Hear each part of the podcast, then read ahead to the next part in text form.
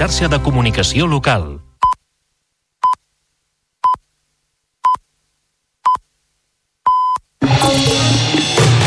Notícies en xarxa, edició matí. Amb Taís Trujillo. Bon dia. El govern flexibilitza les restriccions que s'aplicaran quan l'àrea de Barcelona entri en fase d'emergència per sequera en les pròximes setmanes. Els camps esportius de gespes continuaran regant i les piscines públiques es podran reomplir. Un fet que no passarà en el cas de les privades, d'hostaleria o balnearis. Els ajuntaments seran els encarregats de controlar que es compleix. La Generalitat ha duplicat els ajuts al món local, sobretot per tal de reparar fuites. D'aquesta manera encapçalem el Notícies en xarxa d'aquest dimecres, dia 17 de gener, i al punt de les 7 del matí repassem també altres titulars. El govern espanyol desclassifica parcialment els documents del CNI sobre l'espionatge amb el programa Pegasus al president de la Generalitat, Pere Aragonès. Això permetrà saber els arguments del jutge per autoritzar-ho. L'executiu de Pedro Sánchez carrega contra el PP i assegura que arribarà fins a les últimes conseqüències. Els Mossos d'Esquadra i la Guàrdia Civil han detingut almenys quatre persones en un dispositiu policial conjunt contra el terrorisme jihadista. S'han fet entrades i escorcolls a Rubí, Martorell, Sant Pere de Ribes i a la ciutat de Mèrida, Extremadura. Un dels detinguts és un intern de Brians 2. El cas està sota secret d'actuacions.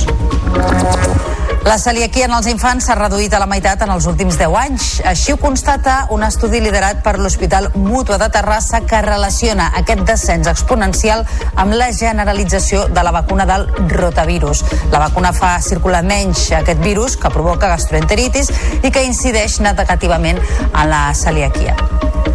I en esports, el Barça i el Real Madrid es juguen avui al pas a la final de la Supercopa Femenina, el primer títol de la temporada. Les novetats de la convocatòria són els retorns de Catacoll i Marta Torrejón. Qui guanyi diumenge disputarà la final contra el Llevant. Per altra banda, a la Copa, el Girona rep el Rayo en els vuitens de final. I la sala Trono de Tarragona encara la temporada més incerta sense saber encara on programarà a partir de la tardor. A finals de març comencen les obres de rehabilitació del Metropol on han dut a terme l'activitat dels darrers sis anys. La direcció de l'espai escènic no descarta fins i tot establir-se fora de la ciutat. Repassats els titulars, ara obrim àrea de serveis. En primer lloc volem saber com se circula a aquesta hora per la xarxa viària catalana, per tant connectem amb el RAC i amb l'Àlex Huguet. Molt bon dia. Molt bon dia. Incidències avui en trams de l'AP7 a la demarcació de Tarragona. Una avaria a l'Ametlla de Mar fa tallar part de la via en sentit nord i situació similar al Vendrell per una altra avaria també en sentit Barcelona amb un altre carril tallat i de moment no generen retencions. A l'àrea metropolitana avui va més ple de l'habitual la zona de Barberà del Vallès a la mateixa AP7 en sentit Girona i primeres aturades i circulació intensa com sempre a l'A2 de Sant Joan d'Espí cap a Barcelona. A les rondes en sentit sud eh, ja va molt plena també la litoral fins més enllà del Poble Nou durant 6 quilòmetres i també ha afectat a més de 3 quilòmetres el tram del Bon Pastor i Sant Adrià cap al Nus de la Trinitat. És tot des del RAC. Bon dia.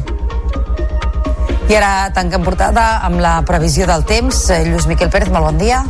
Bon dia. Després de les pluges de la nit, que sobretot han descarregat amb una mica més de gràcia a Tarragona i Lleida, l'ambient ha quedat molt suau. De fet, ja aquest matí amb temperatura més alta que ahir, especialment a les comarques de Girona, també aquest matí amb molts núvols, però prims a la seva majoria, i cap a la Catalunya central o al nord de Lleida, allà sí que hi anirà plovent amb una cota de neu molt alta, 2.400 metres. Aquesta tarda ambient molt suau, sobretot a Girona, les Terres de l'Ebre i la costa i prelitoral, i amb força moments de núvols, però no gaire actius. Només una altra vegada al nord lleidatà i anirà plovent o nevant cap als 2.200 metres la cota. Sempre ja diem amb moltíssima suavitat. Us seguirem a la xarxa. Notícies en xarxa, edició matí. Els camps esportius de gespa es podran regar i les piscines públiques es podran reomplir en fase d'emergència per sequera, però les piscines privades d'hotels, càmpings i balnearis no. D'aquesta manera, el govern ha flexibilitzat algunes mesures que s'aplicaran probablement a partir del febrer. Ens ho explica la Mont Carvajal. El govern ha fet alguns canvis per quan la zona Ter Llobregat entri en fase d'emergència, segurament a final de mes. Es podran regar els arbres de ciutats i regar camps esportius sempre que es faci amb aigua freàtica o regenerada, però es manté la prohibició de reomplir piscines privades d'hotels, càmpings o balnearis. Qui ha de controlar-ho són els ajuntaments, ho ha explicat el conseller d'Acció Climàtica, David Mascort. Qui ha de fer el control d'això? El titular del servei. El titular del servei que li subministra aigua a tots aquests establiments, que són els ajuntaments corresponents.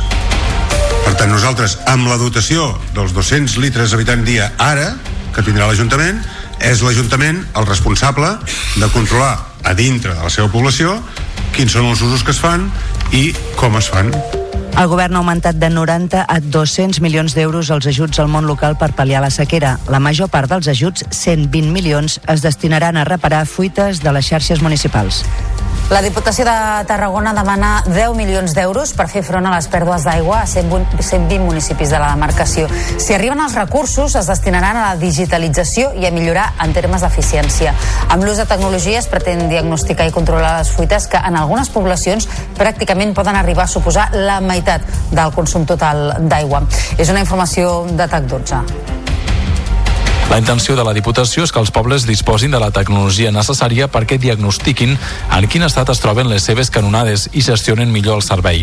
Amb l'actual context de sequera cal que tothom faci el possible per no malgastar recursos. Ens hem d'exigir tots plegats eh, i els municipis també ser el màxim d'eficients no? Eh, i no tenir cap mena de fuita i tenir doncs, tots, eh, totes aquestes xarxes de sanejament, d'abastament, etc doncs al dia no? i en les òptimes condicions. Tenim casos, com et deia, que se n'està perdent fins al 40% i en alguns casos fins i tot més. Clar, això no ens ho podem permetre. S'hi podran acollir els municipis de menys de 20.000 habitants que fan una gestió directa de l'aigua. La institució calcula que se'n beneficiaran uns 142.000 veïns de 120 poblacions. La Diputació coneixerà el mes de juny si compte o no amb el finançament dels PERTE. Si arriben els recursos, hi haurà temps per executar els projectes fins al juny del 2026. Totes aquestes eines haurien de traduir-se en una radiografia molt més real de les canonades jornades. En el cas que un ajuntament detecti deficiències greus, les podrà corregir a través del pla d'inversions Impuls Dicta. Aquest preveu finançar el 100% de les actuacions que milloren la xarxa d'aigua. Mentrestant, molts dels ajuntaments multats per l'ACA expressen la seva disconformitat. Serinyà ha presentat al·legacions a la multa que li ha imposat l'Agència Catalana de l'Aigua per haver sobrepassat el topall de consum per i dia permès per a aquells municipis que es troben en estat d'excepcionalitat per sequera, com és el seu cas. Ens ho expliquen els companys de Banyoles TV. I és que tot i trobar-se dins el Pla de l'Estany, Serinyà no s'abasteix a través de l'aqüífer de l'Estany de Banyoles, sinó que forma part del sistema de la serralada transversal. Això fa que estigui inclòs dins el llistat de municipis afectats per la situació d'excepcionalitat, als quals se'ls ha fixat un consum màxim de 230 litres diaris per habitant. L'alcalde Sergi Planagumà ha explicat que l'ACA els va multar el mes de setembre, però que han presentat al·legacions, perquè aquest elevat consum es deu a que les bombes del pou que subministra aigua al dipòsit principal del poble es tira aire degut al baix nivell de l'aqüífer. Ara aquest últim mes fins i tot han més que doblat el que està permès, eh, però això és degut a que el pou del pou s'està estirant aire. És a dir, un dels problemes que tenim és que com que el nivell aquífer ens ha baixat, per emplenar els dipòsits que tenim, o, més ben dit, per emplenar el dipòsit principal que tenim, hem d'estar estirant contínuament del pou i si el nivell aquífer ens baixa, no podem parar les bombes i el que estem fent és estirar aire. És més, assegura que les dades dels abonats de què disposa la companyia demostren que els consums als habitatges del municipi està de sobres, dins els límits que tenen marcats per l'ACA. El nou projecte que ha de fer arribar aigua de rec al Priorat ha estat vist amb bona cara per part de les comunitats de regants de la comarca afectades. Ara mateix hi ha pagesos de la comarca que fa un any que no reguen amb les conseqüències econòmiques que comporta tot plegat. Ens ho explica la Paula Montalvo des de Canal Reus. La situació, diuen, és molt complicada i és una solució que hauria d'haver arribat abans i no pas quan ja fa més d'un any que els pagesos de la comarca no reguen per la manca d'aquest recurs. Partim d'una situació ja de dos anys de sequera i que eh, si tot va molt, molt, molt bé estarem dos anys més encara fins que aquest projecte eh, pugui ser una realitat. Això vol dir que en el millor dels casos portarem 4 anys acumulats de sequera. Encara que no s'hagi pogut regar, alguns pagesos han pogut salvar la seva campanya. Salvar perquè s'ha pogut collir part de la producció que s'ha fet, però amb pèrdues milionàries i els pantans inoperatius. La Generalitat ha posat aquesta solució sobre la taula per al regadiu perquè, segons diuen, cal assegurar i mantenir l'activitat econòmica de la comarca. En paral·lel, el govern i l'Agència Catalana de l'Aigua treballen per a buscar una solució perquè es pugui convertir aquesta aigua en també un recurs potable i així assegurar també l'ús de boca. Pel que fa a les veus crítiques, l'alcalde de Batea, la Terra Alta, i que també és diputat del PSC, Joaquim Baladella, ha qualificat d'improvisació la proposta de la Generalitat per abastir els pantans del Priorat amb aigua de l'Ebre. Considera que el govern es mou per interès electoralista és voler dir al territori, al territori en aquest cas el priorat, el que volen sentir, perquè no hi, té, no hi ha cap tipus de base de cap manera, vull dir, perquè el que sí que és evident i que deixa claríssimament la improvisació és que quan se va, quan la Generalitat va enviar els projectes de regadiu per al pla de Conca, no va incloure estos, igual com no hi va incloure lo de, lo de l'Aldea Camarles, com no va incloure de la Terra Alta, el que està claríssim és que això és un programa electoral i l'Ajuntament de Vallirana ha aixecat finalment les restriccions del consum d'aigua activades des de dijous passat com a resultat de l'episodi de terbolesa en l'aigua potable que patia el municipi. Les analítiques recents indiquen una reducció significativa dels valors detectats inicialment.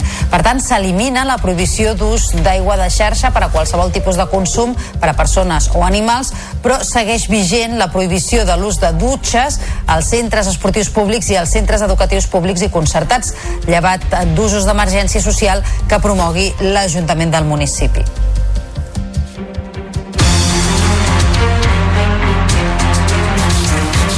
El Consell de Ministres ha autoritzat la desclassificació parcial dels documents del CNI sobre l'espionatge en Pegasus al president de la Generalitat, Pere Aragonès. L'executiu respon així a la petició del jutjat de Barcelona que investiga aquesta qüestió. Ens ho explica el nostre company David Navarro. Es tracta d'una desclassificació que permetrà conèixer els arguments del jutge que va autoritzar l'espionatge. La investigació del jutjat barceloní s'obre després de la querella presentada per Pere Aragonès contra la que va ser directora del CNI, Paz Esteban, i l'empresa israeliana que comercialitza el software Pegasus. La portaveu del govern, Pilar Alegría, ha dit que volen col·laborar amb la justícia per esclarir el cas. A dia de hoy, este gobierno, a petición de un juez, lleva a cabo una desclasificación parcial para este pleito en concreto. Y les diré también que esta desclasificación en ningún caso, en ningún caso afecta a la seguridad nacional. Alegria ha aprofitat per criticar el Partit Popular i l'expresident Mariano Rajoy, esquitxats pel cas de l'Operació Catalunya. La portaveu ha dit que es tracta de fets molt greus i ha assegurat que l'executiu arribarà fins a les últimes conseqüències perquè s'esclareixi el cas. Pilar Alegria també ha explicat que aquestes actuacions van acabar quan Pedro Sánchez va arribar al govern. El mateix Pere Aragonès ha reaccionat a aquesta desclassificació dels documents de Pegasus. El president de la Generalitat espera que tot plegat serveixi per conèixer tota la veritat sobre el cas. El govern espanyol eh, arriba tard perquè aquesta desclassificació d'un espionatge il·legítim i un espionatge per raons polítiques s'hauria d'haver produït molt abans aquesta desclassificació. Finalment ha estat a requeriment d'un jutge que s'ha produït per tant, és el que tocava fer i el que espero és que això serveixi per conèixer tota la veritat, perquè des del CNI es van dedicar a espiar a responsables polítics del país, a líders polítics i socials per la simple raó de defensar la independència de Catalunya. Esquerra Republicana de Catalunya i Junts han presentat per separat les esmenes parcials a la llei d'amnistia, malgrat que l'objectiu era registrar-les de forma conjunta. Aquest és el pas previ a la redacció final de la llei que es votarà en comissió i al ple. Tampoc s'ha arribat a cap acord amb el PSOE per blindar les causes del CDR i el tsunami i que el jutge considera terrorisme. Així, la discrepància entre les formacions deixa l'acord pendent del debat que se'n faci en una comissió que començarà demà. Els Mossos i la Guàrdia Civil han detingut almenys quatre persones en un dispositiu policial conjunt contra el terrorisme jihadista.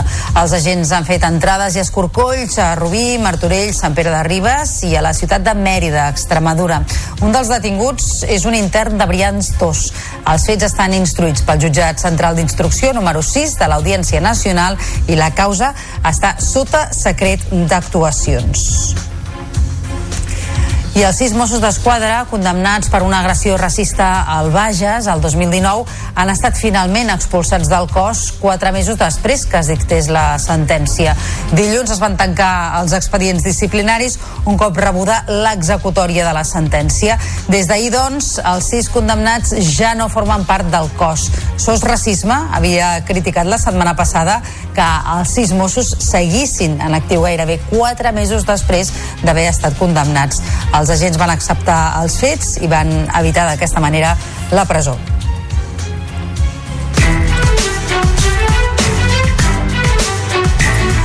Tot apunta a que ja s'ha superat el pic de l'epidèmia de grip a Catalunya. S'hi va arribar la setmana passada, segons les dades de salut, que mostren un lleu descens de les infeccions respiratòries respecte de la primera setmana de l'any. No obstant això, el nivell de transmissió continua sent alt, sobretot en menors de 4 anys, i no es descarta que pugui arribar un segon pic aquest hivern. També continuen les pneumònies, amb un augment més gran de l'habitual, tot i que comencen ja a frenar. I el nombre de persones hospitalitzades per Covid ha baixat, tot i que continua havent-hi 625 a planta i 26 a la UCI. I un estudi de Mútua de Terrassa constata que la celiaquia entre els infants s'ha reduït a la meitat a Catalunya en els últims 10 anys. Un estudi fet abans de la pandèmia conclou que la vacuna contra el rotavirus pot haver actuat com a factor protector. És un virus que causa gastroenteritis. Ens ho expliquen des de Canal Terrassa. L'administració d'aquest antídot en els nadons s'ha generalitzat a Catalunya durant l'última dècada, fet que pot haver desactivat molts casos de celiaquia.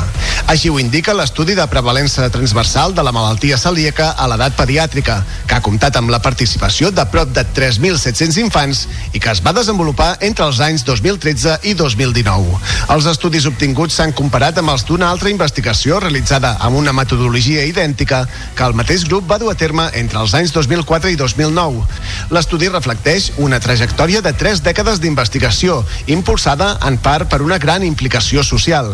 És el primer dins d'un projecte més ampli, ja que es complementarà amb la publicació de dos estudis més que es troben en la fase final. El treball va ser adjudicat al grup de recerca de l'aparell digestiu de Mútua Terrassa, recollint la demanda d'incrementar la investigació en aquest àmbit per part de ciutadans i associacions de pacients registrades al Congrés dels Diputats. El Consell de Ministres ha equiparat la regulació de les cigarretes electròniques a les tradicionals i ha prohibit l'ús d'aromatitzants en els vapejadors. Així, els dispositius electrònics que continguin tabac no podran incloure productes que en modifiquin el gust i tampoc no es podran vendre filtres, papers de fumar, càpsules o qualsevol altre producte que alteri el sabor del tabac. El Reial Decret aprovat aquest dimarts entrarà en vigor tres mesos després que es publiqui el butlletí oficial de l'Estat i estén a aquests productes l'obligació d'informar dels riscos per a la salut i el govern espanyol prepara una aplicació per limitar l'accés dels nens a les webs per adults i és que els estudis apunten que un de cada quatre adolescents de menys de 12 anys ha tingut o té accés al porno i gairebé la meitat dels menors de 15 anys en consumeixen de forma regular. La portaveu del govern Pilar Alegria ha explicat que a través de l'Agència de Protecció de Dades i la fàbrica de moneda i timbre s'està preparant aquesta APP que seria pionera a Europa i podria estar en funcionament abans abans de l'estiu. Amb aquest nou sistema, el telèfon reconeix l'usuari i li permet o no accedir als webs. En cas que l'usi un menor, se li denega. I d'altra banda, s'està preparant també un pla integral de caràcter multidisciplinari que ha de conduir també a una nova llei per a la protecció dels menors a internet. Un sistema de verificación de la edad que además ha sido ya probado con los principales navegadores y cuyo objetivo principal es proteger a los menores del acceso al contenido para adultos. Es una, iniciativa también que es pionera en Europa y que desde luego preveemos que se pueda poner en marcha antes del verano de 2024.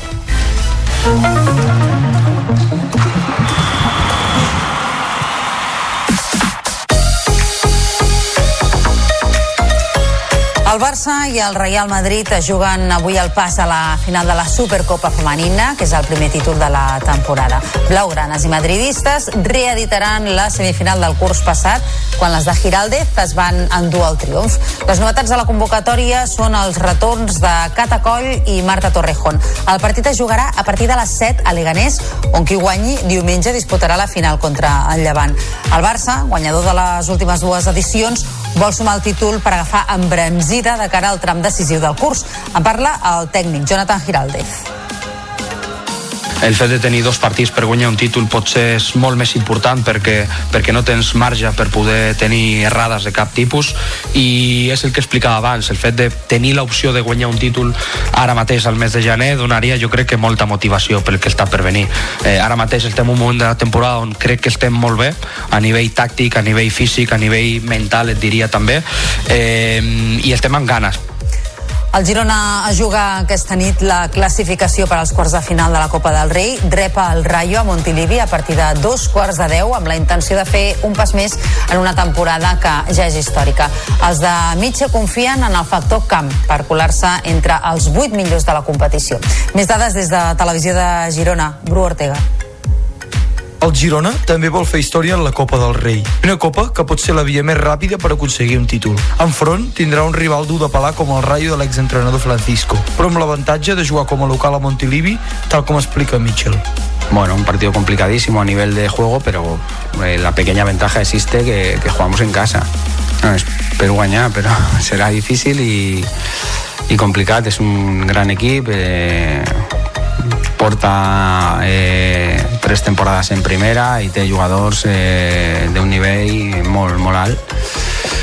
Però nosaltres també som un equip que, que és difícil de guanyar, ho hem demostrat eh, eh, aquest any i, i espero continuar de la mateixa manera. El Girona necessita oblidar l'últim entrebanca en Lliga, els Jocs del Mediterrani davant l'Almeria, i tornar a oferir la versió que té acostumats els aficionats gironins aquest curs si vol passar de ronda en la Copa. Una Copa en la que l'equip gironí també vol fer història. L'Espart Girona i el Cadí la Seu es disputen avui seguir vius a l'Eurocup femenina de bàsquet. A les 7 a Fontejau disputaran el partit de tornada dels vuitens de final. Els locals parteixen amb un avantatge de 16 punts aconseguit fa una setmana a la pista urgellenca. Davant, però, es trobaran un Cedis que arriba amb la moral alta després d'haver derrotat el Perfumeries Avenida a la Lliga. Els entrenadors Roberto Iñiguez de l'Uni i Fabián Tellez del Cadí expliquen com afronten el duel. Partido nuevo y vamos a y espero que el equipo entienda que tenemos que disputarlo como un partido en que no ha existido el, anterior. Y así lo hemos preparado hoy hemos hablado y, y creo que cada partido debe seguir debe servir para seguir sumando y no me gustaría eh, ni tener evidente ni ningún disgusto o pasar la, clasifica, eh, la, la ronda mmm, con una sensación mala. El recte és, és mayúscul, no? però vull dir, doncs perfecte, si, si és el que ens agrada. És el que a mi m'agrada personalment i el que em demostren les jugadores que ens, que ens agrada, tenir aquest tipus de recte. També té cita europea el joventut, visita el London Lions en la quinzena jornada de l'Eurocup. Si la penya guanya per 12 punts o més, se situarà tercer del grup A. I el Barça ja és als quarts de final de la Copa del Rei de Futbol Sala després de superar l'Inter per 0 a 3. Després d'una primera part igualada, els Blaurana van posar la directa a la represa. Mamadou Touré va obrir la llauna, Adolfo va ampliar el marcador i Pito va sentenciar l'eliminatòria amb el tercer gol en el minut 30. El Barça coneixerà el proper rival, darrer escull, abans de la final a 4, en el sorteig de la setmana vinent. Per contra, l'indústria Santa Coloma va quedar eliminat a mans del Palma amb una derrota per 2 a 3. Els balears es van avançar amb dos gols al primer temps, però Khalid va donar esperança als colomencs amb una diana a l'inici del segon temps. Salar va tornar a ampliar diferències i un gol de Cardona va mantenir les opcions dels catalans fins a la final. La remuntada, però, no va arribar.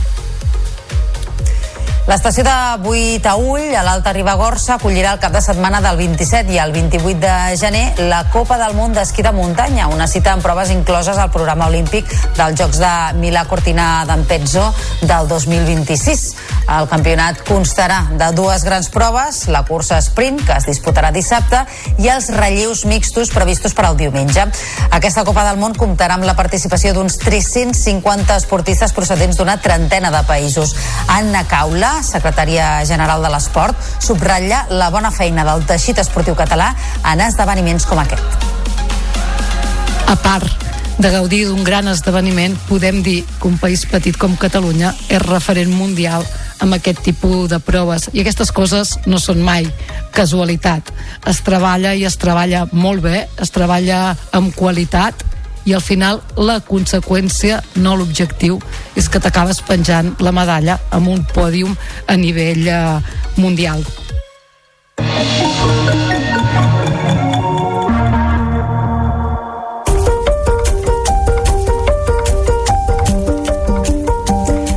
La sala Trono comença a fer les maletes per marxar del Metropol, la que ha estat casa seva els darrers sis anys. Les obres de rehabilitació del teatre comencen a finals de març i des de la Trono esperen poder dur a terme tota la temporada de primavera que arrencarà al febrer i s'allargarà fins al maig. De cara a la tardor, però, encara no hi ha cap espai sobre la taula per acollir la sala tarragonina. Ens ho expliquen des de TAC 12. Tot i això, s'han programat 16 obres per a la temporada de primavera que començarà el 2 de febrer. En el millor dels casos, les negociacions amb l'Ajuntament permetran que els espectacles d'abril i maig puguin compaginar-se amb els primers compassos dels treballs de rehabilitació del teatre. Ara mateix, però, és incert que això pugui ser així i no es descarta acabar la temporada en un altre emplaçament. El que està encara menys clar és on anirà la Trono de cara a la tardor. No tenim sala per la temporada que ve, no sabem on anirem?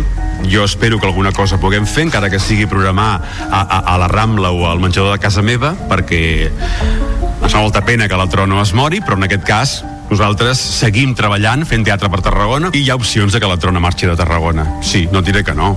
Sí, podríem anar a un altre lloc nosaltres realment no ens agradaria. Un dels efectes col·laterals de la marxa de la Trono del Metropol té a veure amb el Festival de Noves Dramatúrgies, el FIT. El certamen no podrà comptar amb el seu escenari principal i l'equip de la Trono ja comença a pensar alternatives. Olot, Sant Joan de les Fonts i la Vall d'en Bas seran les seus de la segona edició del Cine Xic a la Garrotxa. L'objectiu d'aquest projecte, impulsat per Òmnium Cultural, és revertir la situació del català entre els més petits. L'Aniol Puigverd, de la televisió d'Olot, ens ho explica. Un dissabte de cada mes les famílies podran gaudir de propostes com Ratolins i Guineus, que serà la d'aquest mes de gener, o al film La Fada de les Estacions, que és la que tancarà el cicle. Les biblioteques han canviat, que ara no només eh, volem ser un espai de silenci, un espai on venir a llegir, a buscar llibres, sinó que també volem oferir activitats, activitats familiars en aquest cas, i pensem que, que el cinema doncs, és, un, és una bona activitat per atraure famílies a venir aquí a passar, a passar un dissabte a la tarda. L'objectiu d'aquesta proposta és seguir potenciant la llengua catalana. Des de Cultural han organitzat aquest conjunt de propostes per tal de revertir el descens del català entre els més petits, que al cap i a la fi són el futur del país. A més, participant al Cinexic pot portar sorpreses i és que tots els nens i nenes que hi acudeixin un mínim de 4 vegades entraran directament en un sorteig per guanyar un kit cultural. El grup de Valls Figaflaues ja tenen a punt el nou disc, La Calçotada, que sortirà el 26 de gener. El nou videoclip és Quatre Quissos, una peça d'afrobit sensual i ballable. Mitjançant el parteix, quatre quisos, i no són suficients, quatre quisos.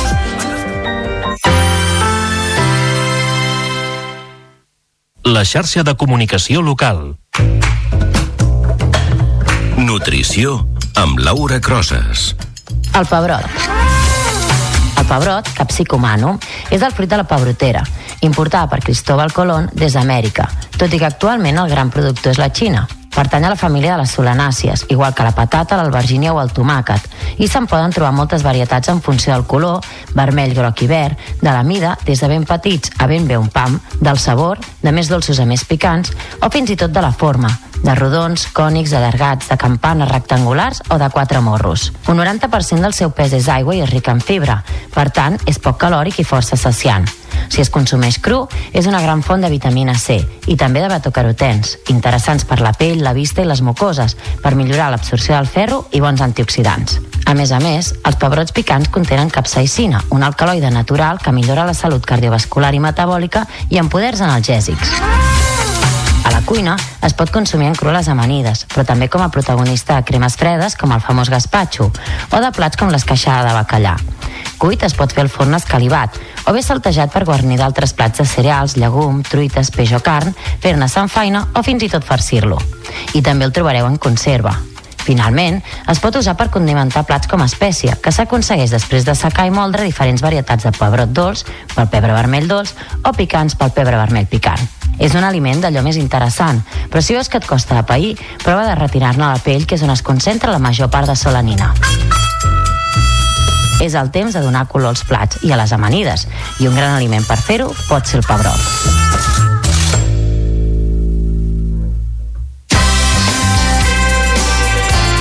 La xarxa de comunicació local.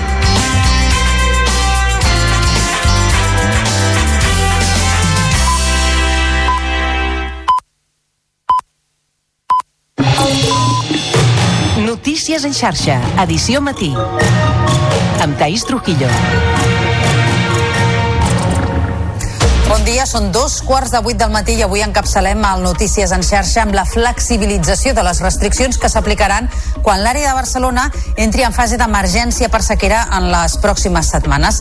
El govern ha explicat que els camps esportius de gespa es continuaran regant i les piscines públiques es podran reomplir. Un fet que no passarà en el cas de les privades, d'hostaleria o balnearis. Els ajuntaments seran els encarregats de controlar que es compleix. La Generalitat ha duplicat els ajuts al món local, sobretot per reparar fuites. De seguida us ho ampliem, abans però repassem també altres titulars d'aquest dimecres 17 de gener. El govern espanyol desclassifica parcialment els documents del CNI sobre l'espionatge pel programa Pegasus al president de la Generalitat, Pere Aragonès. Això permetrà saber els arguments del jutge per autoritzar-ho. L'executiu de Pedro Sánchez carrega contra el PP i assegura que arribarà fins a les últimes conseqüències.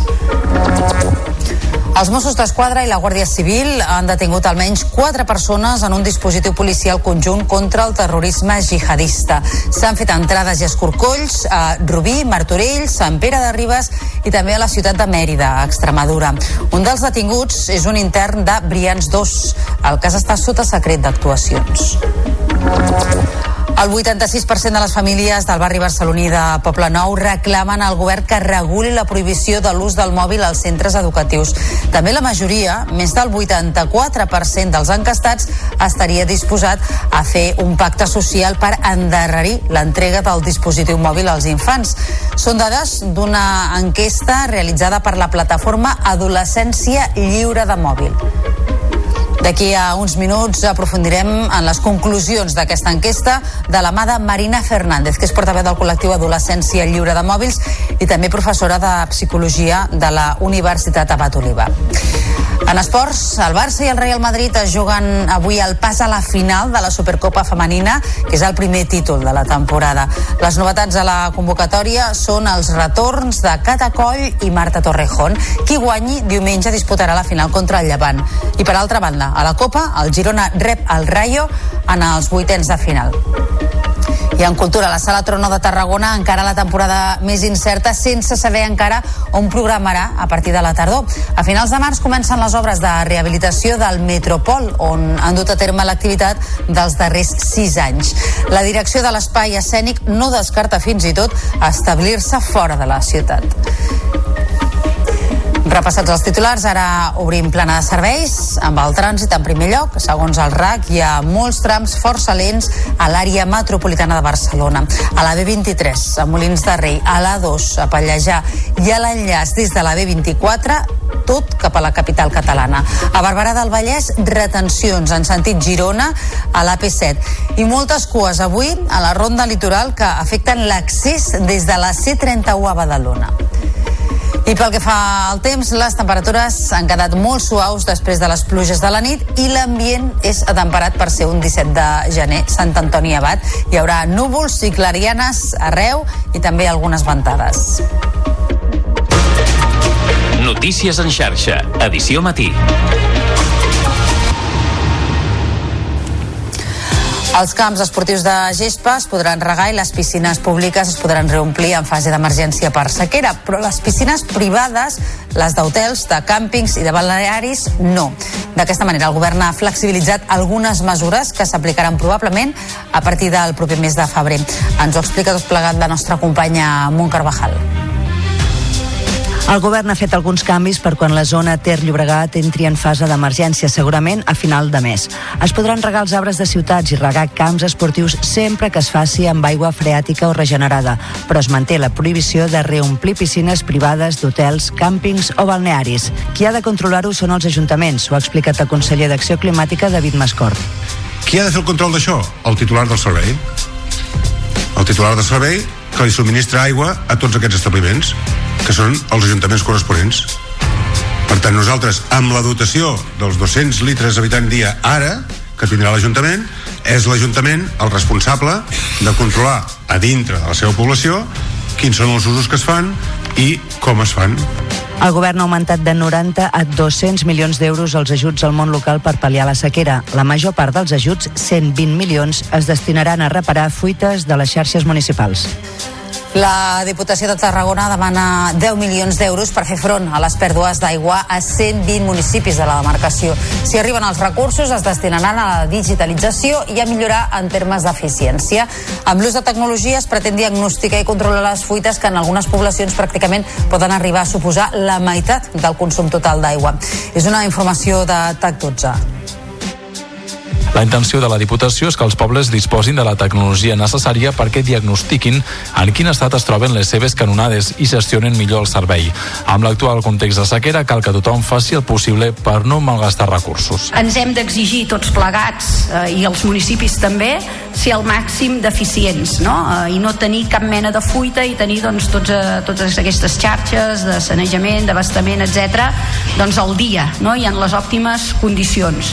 Tenim casos, com et deia, deia que se n'està perdent fins al 40% i en alguns casos fins i tot més. Clar, això no ens ho podem permetre. S'hi podran acollir els municipis de menys de 20.000 habitants que fan una gestió directa de l'aigua.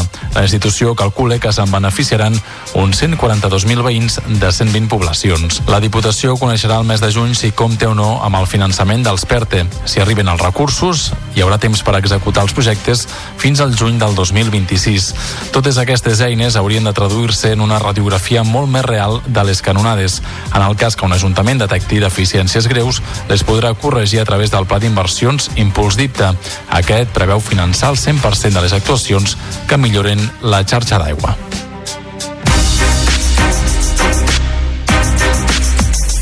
Passen ara 6 minuts de dos quarts de vuit del matí. El Consell de Ministres ha autoritzat la desclassificació parcial dels documents del CNI sobre l'espionatge amb Pegasus. El president de la Generalitat, Pere Aragonès. L'executiu respon així a la petició del jutjat de Barcelona que investiga aquesta qüestió. Ens ho explica el David Navarro. Es tracta d'una desclassificació que permetrà conèixer els arguments del jutge que va autoritzar l'espionatge. La investigació del jutjat barceloní s'obre després de la querella presentada per Pere Aragonès contra la que va ser directora del CNI, Paz Esteban, i l'empresa israeliana que comercialitza el software Pegasus. La portaveu del govern, Pilar Alegría, ha dit que volen col·laborar amb la justícia per esclarir el cas. A día de hoy, este gobierno, a petición de un juez, lleva a cabo una desclasificación parcial para este pleito en concreto. Y les diré también que esta desclasificación en ningún caso, en ningún caso afecta a la seguridad nacional. Alegria ha aprofitat per criticar el Partit Popular i l'expresident Mariano Rajoy, esquitxats pel cas de l'Operació Catalunya. La portaveu ha dit que es tracta de fets molt greus i ha assegurat que l'executiu arribarà fins a les últimes conseqüències perquè s'esclareixi el cas. Pilar Alegria també ha explicat que aquestes actuacions van acabar quan Pedro Sánchez va arribar al govern. El mateix Pere Aragonès ha reaccionat a aquesta desclassificació dels documents de Pegasus. El president de la Generalitat espera que serveixi per conèixer tota la veritat sobre el cas. El govern espanyol eh, arriba tard, perquè aquesta desclassificació d'un espionatge il·legítim i un espionatge per raons polítiques s'hauria d'haver produït molt abans aquesta desclassificació. Finalment ha estat a requeriment d'un jutge que s'ha produït, per tant és el que tocava fer i el que espero és que això serveixi per conèixer tota la veritat perquè des del CNI es van dedicar a espiar a responsables polítics del país, a líders polítics i socials per la simple raó de defensar la independència de Catalunya. Esquerra Republicana i Junts han presentat per separat les esmenes parcials a la llei d'amnistia, malgrat que l'objectiu era registrar-les de forma conjunta. Aquest és el pas previ a la redacció final de la llei que es votarà en comissió i al ple. Tampoc s'ha arribat a cap acord amb el PSOE per blindar les causes del CDR i el tsunami i que el jutge considera terrorisme. El PSOE manté que la llei d'amnistia no beneficia condemnats per terrorisme. Així la discrepància entre les formacions deixa l'acord pendent del debat que se'n faci en una comissió que començarà demà. Els Mossos i la Guàrdia Civil han detingut almenys quatre persones en un dispositiu policial conjunt contra el terrorisme jihadista. Els agents han fet entrades i escorcolls a Rubí, Martorell, Sant Pere de Ribes i a la ciutat de Mèrida, a Extremadura. Un dels detinguts és un intern de Brians 2.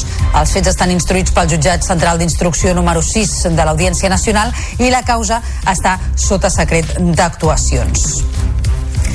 Els sis Mossos d'Esquadra condemnats per una agressió racista al Bages han estat finalment expulsats del cos quatre mesos després que es dictés la sentència.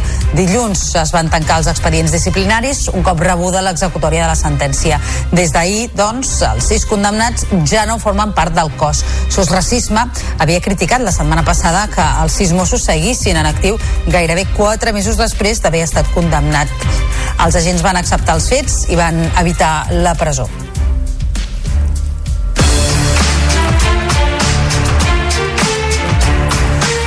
El Col·legi d'Arquitectes adverteix que no s'estan construint tants pisos nous com es necessiten per absorbir la demanda d'habitatge a Catalunya.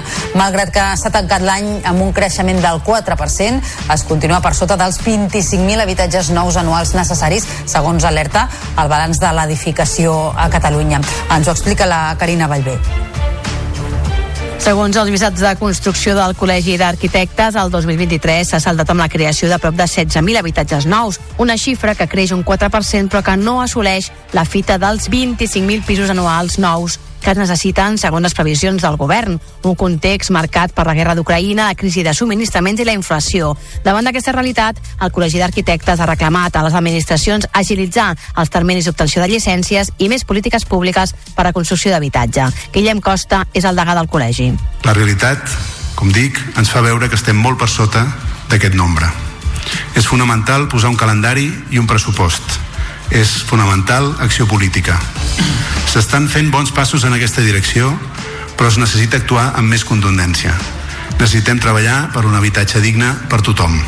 El 2023 també ha crescut un 4% la superfície edificada a Catalunya, assolint els nivells prepandèmia gràcies a macroprojectes com el de l'Espai Barça. També creix la rehabilitació, encara que continua a nivells baixos i sense impacte dels fons Next Generation. Per contra, l'obra nova ha caigut per primer cop des del 2006, exceptuant l'any de l'esclat de la Covid. La fira audiovisual més important del món torna a Barcelona i se celebrarà del 30 d'aquest mes al 2 de febrer al recinte Gran Via de l'Hospitalet de Llobregat amb un 30% més de superfície i la presència de més de 1.300 empreses. Els organitzadors preveuen batre el rècord d'assistents i arribar als 60.000 visitants. És una crònica del David Benito.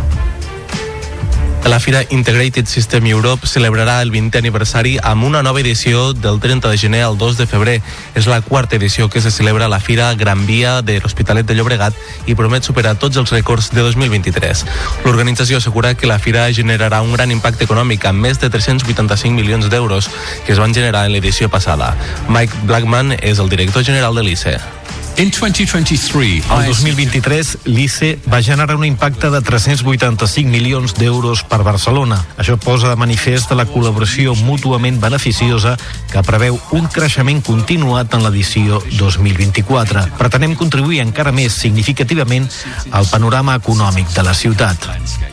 La major pantalla LED en un centre d'exhibició a Espanya rebrà els més de 60.000 visitants que s'espera en aquesta edició. La pantalla LED invisible de 193 metres quadrats es convertirà en un accessori permanent per al recinte, debutant a ICE 2024. Serà aquest el primer esdeveniment que mostrarà la seva instal·lació. Aquesta és l'exposició més gran del món de sistemes audiovisuals i professionals de sistemes d'integració. Les empreses podran optar als fons de transició nuclear a partir de l'abril. L'òrgan de governança ha decidit destinar més d'un 50% d'aquests fons al sector privat per generar ocupació al territori. Ens ho explica la Cinta Bonet, de Canal 21 Ebre. El 2024 ha de ser l'any en què els fons de transició nuclear arribin a les empreses de les zones del Penta 1 i 2 de les centrals nuclears de Vandellós i Ascó hi haurà subvencions per a inversions industrials de l'impacte al territori, amb la flexibilització de requisits i condicions més favorables, per implementar noves oportunitats per negocis establerts, per al suport i millora de la competitivitat de les explotacions agràries i també per desenvolupar nova oferta i producte turístic vinculat a l'etnogastronomia es vehicularan a través de convocatòries de subvencions ja creades per la Generalitat per agilitzar el procés. Són convocatòries que ja existeixen de, de la Secretaria, per exemple, d'Alimentació o Secretaria d'Agenda Rural eh, que mirarem d'alguna manera de destinar-hi fons de transició nuclear en la mesura que poden beneficiar projectes del territori. També es preveu obrir una convocatòria de concurrència no competitiva per donar suport a projectes singulars de lideratge públic tipus centres de coworking o de transició energètica.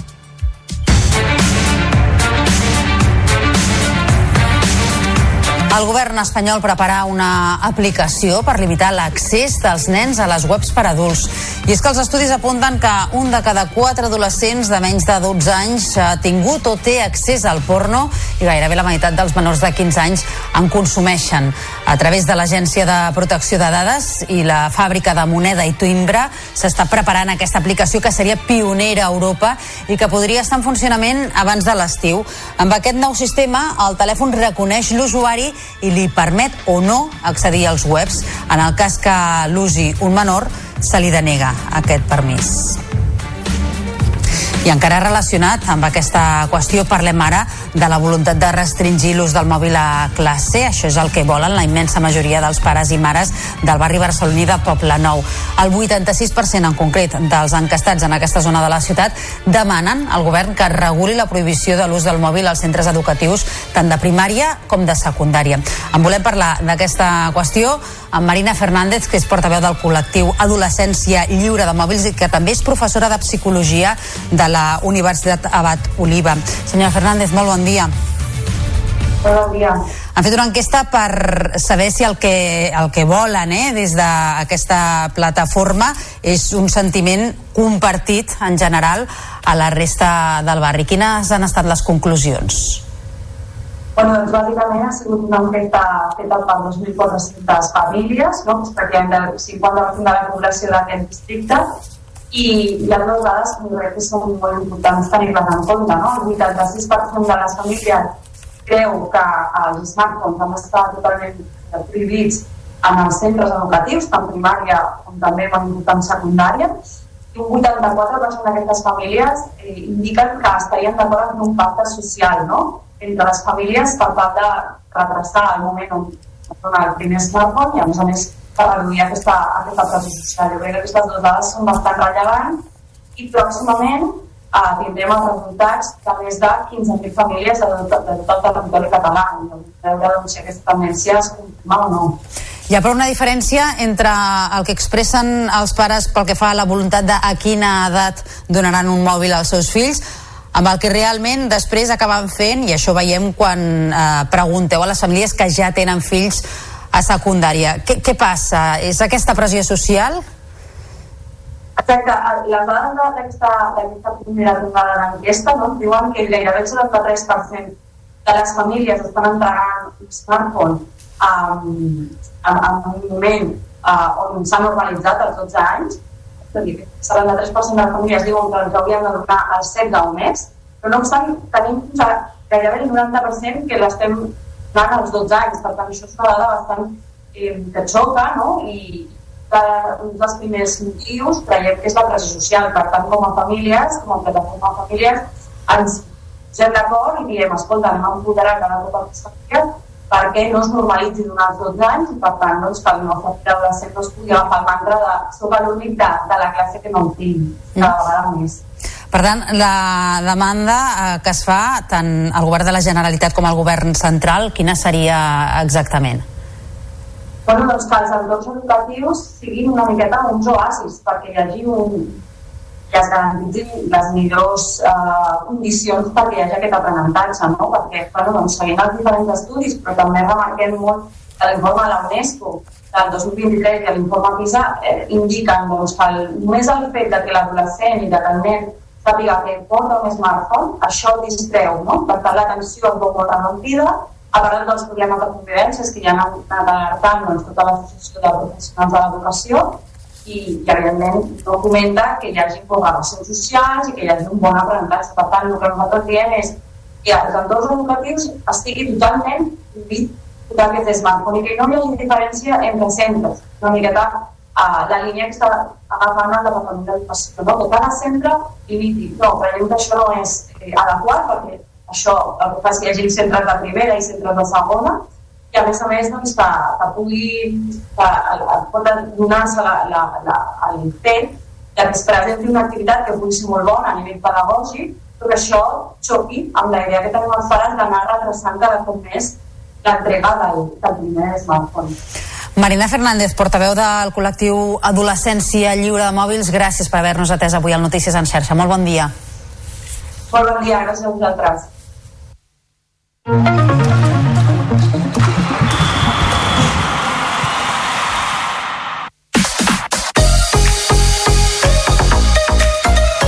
Barça i el Real Madrid es juguen avui el pas a la final de la Supercopa femenina, que és el primer títol de la temporada. Blaugranes i madridistes reeditaran la semifinal del curs passat quan les de Giraldez es van endur al triomf. Les novetats de la convocatòria són els retorns de Catacoll i Marta Torrejón. El partit es jugarà a partir de les 7 a Leganés, on qui guanyi diumenge disputarà la final contra el Llevant. El Barça, guanyador de les últimes dues edicions, vol sumar el títol per agafar embranzida de cara al tram decisiu del curs. En parla el tècnic Jonathan Giraldez. El fet de tenir dos partits per guanyar un títol potser és molt més important perquè, perquè no tens marge per poder tenir errades de cap tipus i és el que explicava abans, el fet de tenir l'opció de guanyar un títol ara mateix al mes de gener donaria jo crec que molta motivació pel que està per venir. Eh, ara mateix estem en un moment de la temporada on crec que estem molt bé a nivell tàctic, a nivell físic, a nivell mental et diria també. Eh, i estem amb ganes el Girona juga aquesta nit la classificació per als quarts de final de la Copa del Rei. Rep el Rayo Montilivi a partir de dos quarts de deu amb la intenció de fer un pas més en una temporada que ja és històrica. Més dades des de Televisió de Girona, Bru Ortega. El Girona també vol fer història en la Copa del Rei. Una copa que pot ser la via més ràpida per aconseguir un títol. Enfront tindrà un rival dur de pelar com el Rayo de l'exentrenador Francisco, però amb l'avantatge de jugar com a local a Montilivi, tal com explica Mitchell. bueno, un partido complicadísimo a nivel de juego, pero eh, la pequeña ventaja existe que, que jugamos en casa. No es Perú-Guañá, pero serà difícil i, i complicat. És un gran equip, eh, porta eh, tres temporades en primera i té jugadors eh, d'un nivell molt, molt alt. Però nosaltres també som un equip que, que és difícil de guanyar, ho hem demostrat eh, eh, aquest any i, i espero continuar de la mateixa manera. El Girona necessita oblidar l'últim entrebanc en Lliga, els Jocs del Mediterrani davant l'Almeria, i tornar a oferir la versió que té acostumats els aficionats gironins aquest curs si vol passar de ronda en la Copa. Una Copa en la que l'equip gironí també vol fer història. L'Espar Girona i el Cadí la Seu es disputen avui seguir vius a l'Eurocup femenina de bàsquet. A les 7 a Fontejau disputaran el partit de tornada dels vuitens de final. Les locals parteixen amb un avantatge de 16 punts aconseguit fa una setmana a la pista urgellenca. Davant, però, es trobaran un Cetis que arriba amb la moral alta després d'haver derrotat el Perfumeries Avenida a la Lliga. I també té cita europea al joventut. Visita a London Lions en la quinzena jornada de l'Eurocup. Si la penya guanya per 12 punts o més, se situarà tercer del grup A. I el Barça ja és als quarts de final de la Copa del Rei de Futbol Sala després de superar l'Inter per 0 a 3. Després d'una primera part igualada, els Blaurana van posar la directa a la represa. Mamadou Touré va obrir la llauna, Adolfo va ampliar el marcador i Pito va sentenciar l'eliminatòria amb el tercer gol en el minut 30. El Barça coneixerà el proper rival de Riascull abans de la final a 4 en el sorteig de la setmana vinent. Per contra, l'indústria Santa Coloma va quedar eliminat a mans del Palma amb una derrota per 2 a 3. Els Balears es van avançar amb dos gols al primer temps, però Calit va donar esperança als colomencs amb una diana a l'inici del segon temps. Salar va tornar a ampliar diferències i un gol de Cardona va mantenir les opcions dels catalans fins al final. La remuntada, però, no va arribar. I fita històrica de la selecció espanyola de waterpolo. El combinat, entrenat per David Martín i amb majoria de jugadors catalans, va guanyar la final de l'europeu davant Croàcia per 10 a 11. El gol decisiu va ser obra del terrassenc Álvaro Granados i va culminar la remuntada després d'anar perdent per 10 a 8 després del tercer període. L'or continental també dona al combinat la classificació per als Jocs Olímpics de París. I en marxa la desena jornada al Rally Dakar amb sortida i arribada a Alula. Carlos Sainz parteix com a líder de la General, però amb Sebastián Loeb a poc més de 20 minuts de diferència. Laia Sanz, que hi va ser 21ena, continua en la quinzena posició a la General. A motos es manté el lideratge del nord-americà Ricky Brabeck.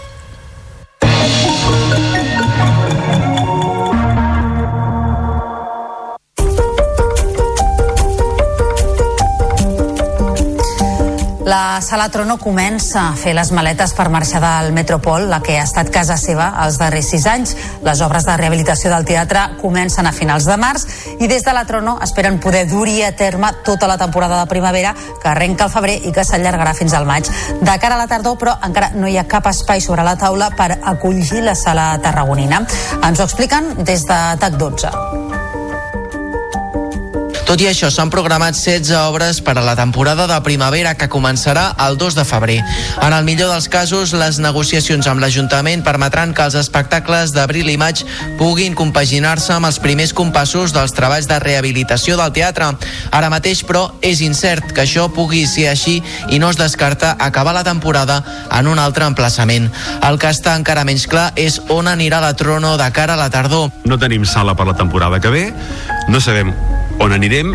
Jo espero que alguna cosa puguem fer encara que sigui programar a, a, a la Rambla o al menjador de casa meva perquè ens fa molta pena que la Trono es mori però en aquest cas nosaltres seguim treballant fent teatre per Tarragona i hi ha opcions de que la Trona marxi de Tarragona. Sí, no diré que no. Sí, podríem anar a un altre lloc nosaltres realment no ens agradaria. Un dels efectes col·laterals de la marxa de la Trono del Metropol té a veure amb el Festival de Noves Dramatúrgies, el FIT. El certamen no podrà comptar amb el seu escenari principal i l'equip de la Trono ja comença a pensar alternatives. I una altra sala amb problemes és l'antic Teatre Barcelona. Ja fa un any que l'Ajuntament va anunciar que la compraria i que passaria a formar part de la xarxa d'equipaments culturals de la ciutat. Així es garantiria que l'espai pogués continuar funcionant després que la propietat amenacés de multiplicar per 5 el preu del lloguer. Els actuals gestors eh, que ara esperen que se segueixi avançant en la incorporació de l'antic teatre a la xarxa d'equipaments culturals de la ciutat amb l'expropiació de l'immoble i demanen que s'inclogui als pressupostos del 2024. L'Ajuntament ha reiterat el seu compromís per comprar l'equipament i ha explicat que el tràmit està en marxa. Xavier Mercè és el regidor de Cultura. El procés d'expropiació segueix en marxa, no hi ha cap problema. Quan tinguem la notificació i passada les al·legacions corresponents, que mm, no sabem què poden donar partir de les respostes que ha de fer la Generalitat en aquest cas, podrem procedir a l'expropiació de la qual tenim, a més, una taxació eh, que ens permet eh, saber que no és una xifra especialment, eh, diguem, disparatada i que, per tant, no hi ha d'haver cap problema. El grup de Valls Figaflaues ja tenen a punt el nou disc La Calçotada, que sortirà el 26 de gener.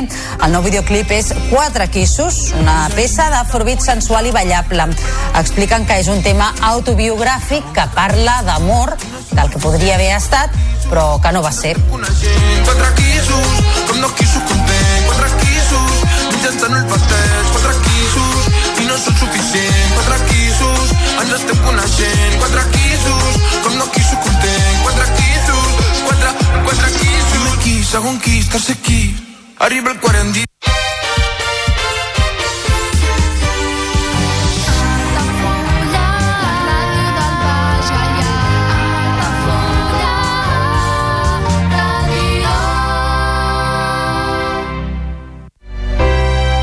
Comunions 2024. Dates ja disponibles amb sales privades, jardí, pàrquing privat i la millor gastronomia. Més informació i reserves al 977 65 11 55 i a comercial arroba altafullamarotel.com o al web altafullamarotel.com. Les teves celebracions familiars a l'Altafulla Mar Hotel.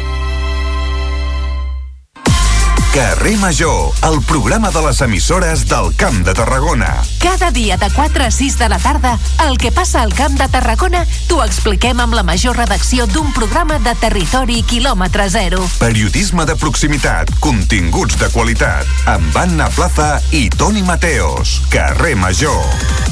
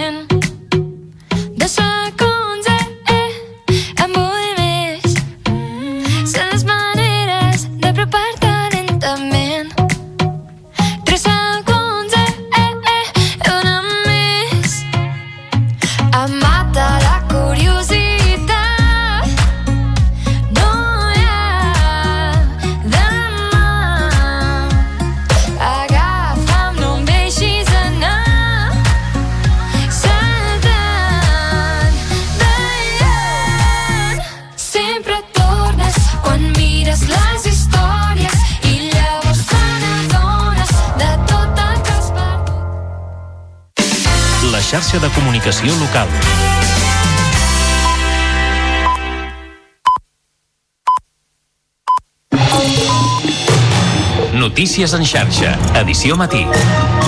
Amb Taís Trujillo. Bon dia. El govern flexibilitza les restriccions que s'aplicaran quan l'àrea de Barcelona entri en fase d'emergència per sequera en les pròximes setmanes. Els camps esportius de gespes continuaran regant i les piscines públiques es podran reomplir. Un fet que no passarà en el cas de les privades, d'hostaleria o balnearis. Els ajuntaments seran els encarregats de controlar que es compleix. La Generalitat ha duplicat els ajuts al món local, sobretot per reparar fuites. Així encapçalem el Notícies en xarxa d'aquest dimecres, 17 de gener, i al punt de les 8 del matí repassem també altres titulars. El govern espanyol desclassifica parcialment els documents del CNI sobre l'espionatge amb el programa Pegasus al president de la Generalitat, Pere Aragonès. Això permetrà saber els arguments del jutge per autoritzar-ho. L'executiu de Pedro Sánchez carrega contra el PP i assegura que arribarà fins a les últimes conseqüències. Els Mossos d'Esquadra i la Guàrdia Civil han detingut almenys quatre persones en un dispositiu policial conjunt contra el terrorisme jihadista. S'ha fet atrades i escorcolls a Rubí, Martorell, Sant Pere de Ribes i a la ciutat de Mèrida, Extremadura. Un dels detinguts és un intern de Brians 2. El cas està sota secret d'actuacions. La celiaquia en els infants s'ha reduït a la meitat els últims 10 anys. Així ho constata un estudi liderat per l'Hospital Mútua de Terrassa que relaciona aquest descens exponencial amb la generalització de la vacuna del rotavirus. Aquesta vacuna fa circular menys aquest virus que provoca gastroenteritis i que incideix en la celiaquia. I en esports, el Barça i el Real Madrid es juguen avui el pas a la final de la Supercopa Femenina, que és el primer títol de la temporada. Les novetats de la convocatòria són els retorns de Cata Coll i Marta Torrejón. Qui guanyi diumenge disputarà la final contra el Llevant. I per altra banda, a la Copa, el Girona rep el Rayo en els vuitens de final. I en cultura, la sala Trono de Tarragona encara la temporada més incerta sense saber encara on programarà a partir de la tardor. A finals de març comencen les obres de rehabilitació del Metropol, on han dut a terme l'activitat dels darrers sis anys. La direcció de l'espai escènic no descarta fins i tot establir-se fora de la ciutat. Repassats els titulars, ara obrim àrea de serveis. En primer lloc volem saber com se circula aquesta hora a les 8 del matí per la xarxa viària catalana. Per tant, connectem amb el Servei Català de Trànsit i amb la Sílvia de l'Amo. Molt bon dia. Hola, bon dia, Taís. Doncs uh, tenim en aquests moments molt moviment a tota l'àrea metropolitana, sobretot als accessos nord, on mencionem una sèrie de retencions com és la P7 a Parets i Mollets i Barberà, en amb dos sentits en aquest cas, la B30, al lateral d'aquesta AP7, com també els túnels de Vallvidrera, on es fa regulació de trànsit per accedir a la ronda dalt, o a la C-17, on hi ha retencions a Mollet, a Badalona, problemes per acapar a la plaça de les Glòries i a la C58 per entrar i per sortir de l'ús de la Trinitat. Anem als accessos sud per mencionar una A2 amb problemes a Pallejà, Sant Joan d'Espí, també una B23, la via que entra i surt de la Diagonal, tant problemes per entrar com a aturades a Sant Feliu uh, un tros més enrere, o la B24 a Vallirana. Per tant, matí intens, amb mobilitat també bastant important a les rondes i sobretot demanar-vos que no baixeu la guàrdia i mantingueu les distàncies de seguretat. Bon dia! I tanquem portada amb la previsió del temps. Eh, Lluís Miquel Pérez, molt bon dia. Ni rastre del fred, eh? Així és, Taís. A hores d'ara una temperatura que fins i tot està per sobre dels 15 graus en algunes comarques de Girona. La mateixa capital del Gironès, a hores d'ara, gairebé 17 graus de temperatura. I el matí ja, per tant, molt més agradable que ahir. Gairebé no tenim gelades ni a l'alta muntanya, al Pirineu, i el vent, que aquest matí es deixarà sentir a les comarques gironines. Justament aquest vent de Garbí és el que està fent pujar la temperatura. També, després de la nit, que ha portat pluges i molt benvingudes, sobretot a les comarques de Lleida, doncs ha de quedar un matí migdia de força núvols encara a Lleida, amb pluja que anirà caient al Pirineu, pluja i de fet la neu molt amunt, 2.400 metres i a la resta del país núvols més prims. Aquesta tarda la mateixa situació, els núvols més atapeïts i una mica més gruixuts al nord de Lleida, amb algunes pluges que sobretot cauran a la cara sud del Pirineu i el vent que bufarà moltes comarques, una bona ventilació i farà pujar la temperatura. Aquesta tarda, Taís, si veiem gent amb màniga curta, no estarà doncs eh, gaire de més. Ho seguirem a la xarxa. Notícies en xarxa, edició matí. Els camps esportius de gespa es podran regar i les piscines públiques es podran reomplir en fase d'emergència per sequera. Però les piscines privades, d'hotels, càmpings i balnearis no. D'aquesta manera el govern ha flexibilitzat algunes mesures que s'aplicaran probablement a partir del mes de febrer. Ens ho explica la nostra companya Mont Carvajal. El govern ha fet alguns canvis per quan la zona Ter Llobregat entri en fase d'emergència, segurament a final de mes. Es podran regar els arbres de ciutats i regar camps esportius sempre que es faci amb aigua freàtica o regenerada, però es manté la prohibició de reomplir piscines privades d'hotels, càmpings o balnearis. Qui ha de controlar-ho són els ajuntaments, ho ha explicat el conseller d'Acció Climàtica, David Mascort. Qui ha de fer el control d'això? El titular del servei. El titular del servei que li subministra aigua a tots aquests establiments, que són els ajuntaments corresponents. Per tant, nosaltres, amb la dotació dels 200 litres habitant dia ara, que tindrà l'Ajuntament, és l'Ajuntament el responsable de controlar a dintre de la seva població quins són els usos que es fan i com es fan. El govern ha augmentat de 90 a 200 milions d'euros els ajuts al món local per pal·liar la sequera. La major part dels ajuts, 120 milions, es destinaran a reparar fuites de les xarxes municipals.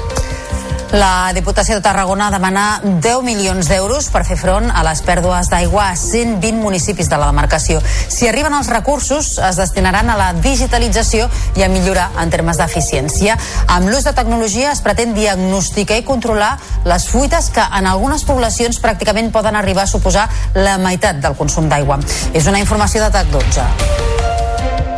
La intenció de la Diputació és que els pobles disposin de la tecnologia necessària perquè diagnostiquin en quin estat es troben les seves canonades i gestionen millor el servei.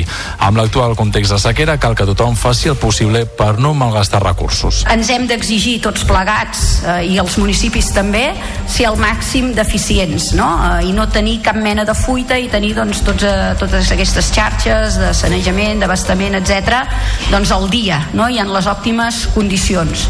Tenim casos, com et deia, que se n'està perdent fins al 40% i en alguns casos fins i tot més. Clar, això no ens ho podem permetre. S'hi podran acollir els municipis de menys de 20.000 habitants que fan una gestió directa de l'aigua. La institució calcula que se'n beneficiaran uns 142.000 veïns de 120 poblacions. La Diputació coneixerà el mes de juny si compte o no amb el finançament dels PERTE. Si arriben els recursos, hi haurà temps per executar els projectes fins al juny del 2026. Totes aquestes eines haurien de traduir-se en una radiografia molt més real de les canonades.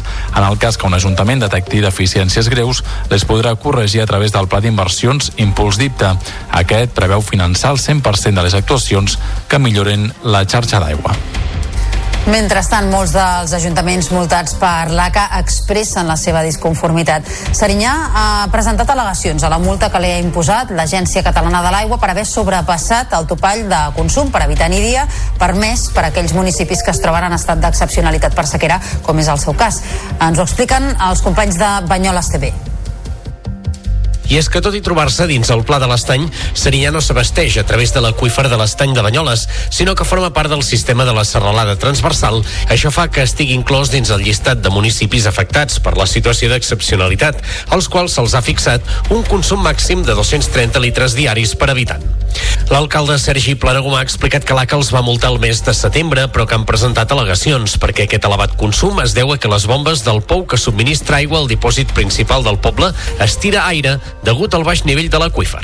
Uh, ara aquest últim mes fins i tot han més que doblat el que està permès uh, però això és degut a que el pou del pou s'està estirant aire és a dir, un dels problemes que tenim és que com que el nivell aquífer ens ha baixat per emplenar els dipòsits que tenim o, o més ben dit per emplenar el dipòsit principal que tenim hem d'estar estirant contínuament del pou i si el nivell aquífer ens baixa no podem parar les bombes i el que estem fent és estirar aire. És més, assegura que les dades dels abonats de què disposa la companyia demostren que els consums als habitatges del municipi està de sobres, dins els límits que tenen marcats per l'ACA.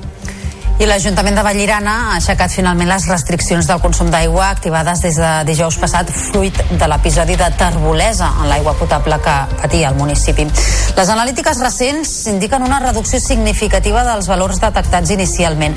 Per tant, s'elimina la prohibició d'ús d'aigua de xarxa per a qualsevol tipus de consum per a persones o animals, però segueix vigent la prohibició de l'ús de dutxes als centres esportius públics i als centres educatius públics i concertats, llevats d'usos d'emergència social que promogui l'Ajuntament del municipi.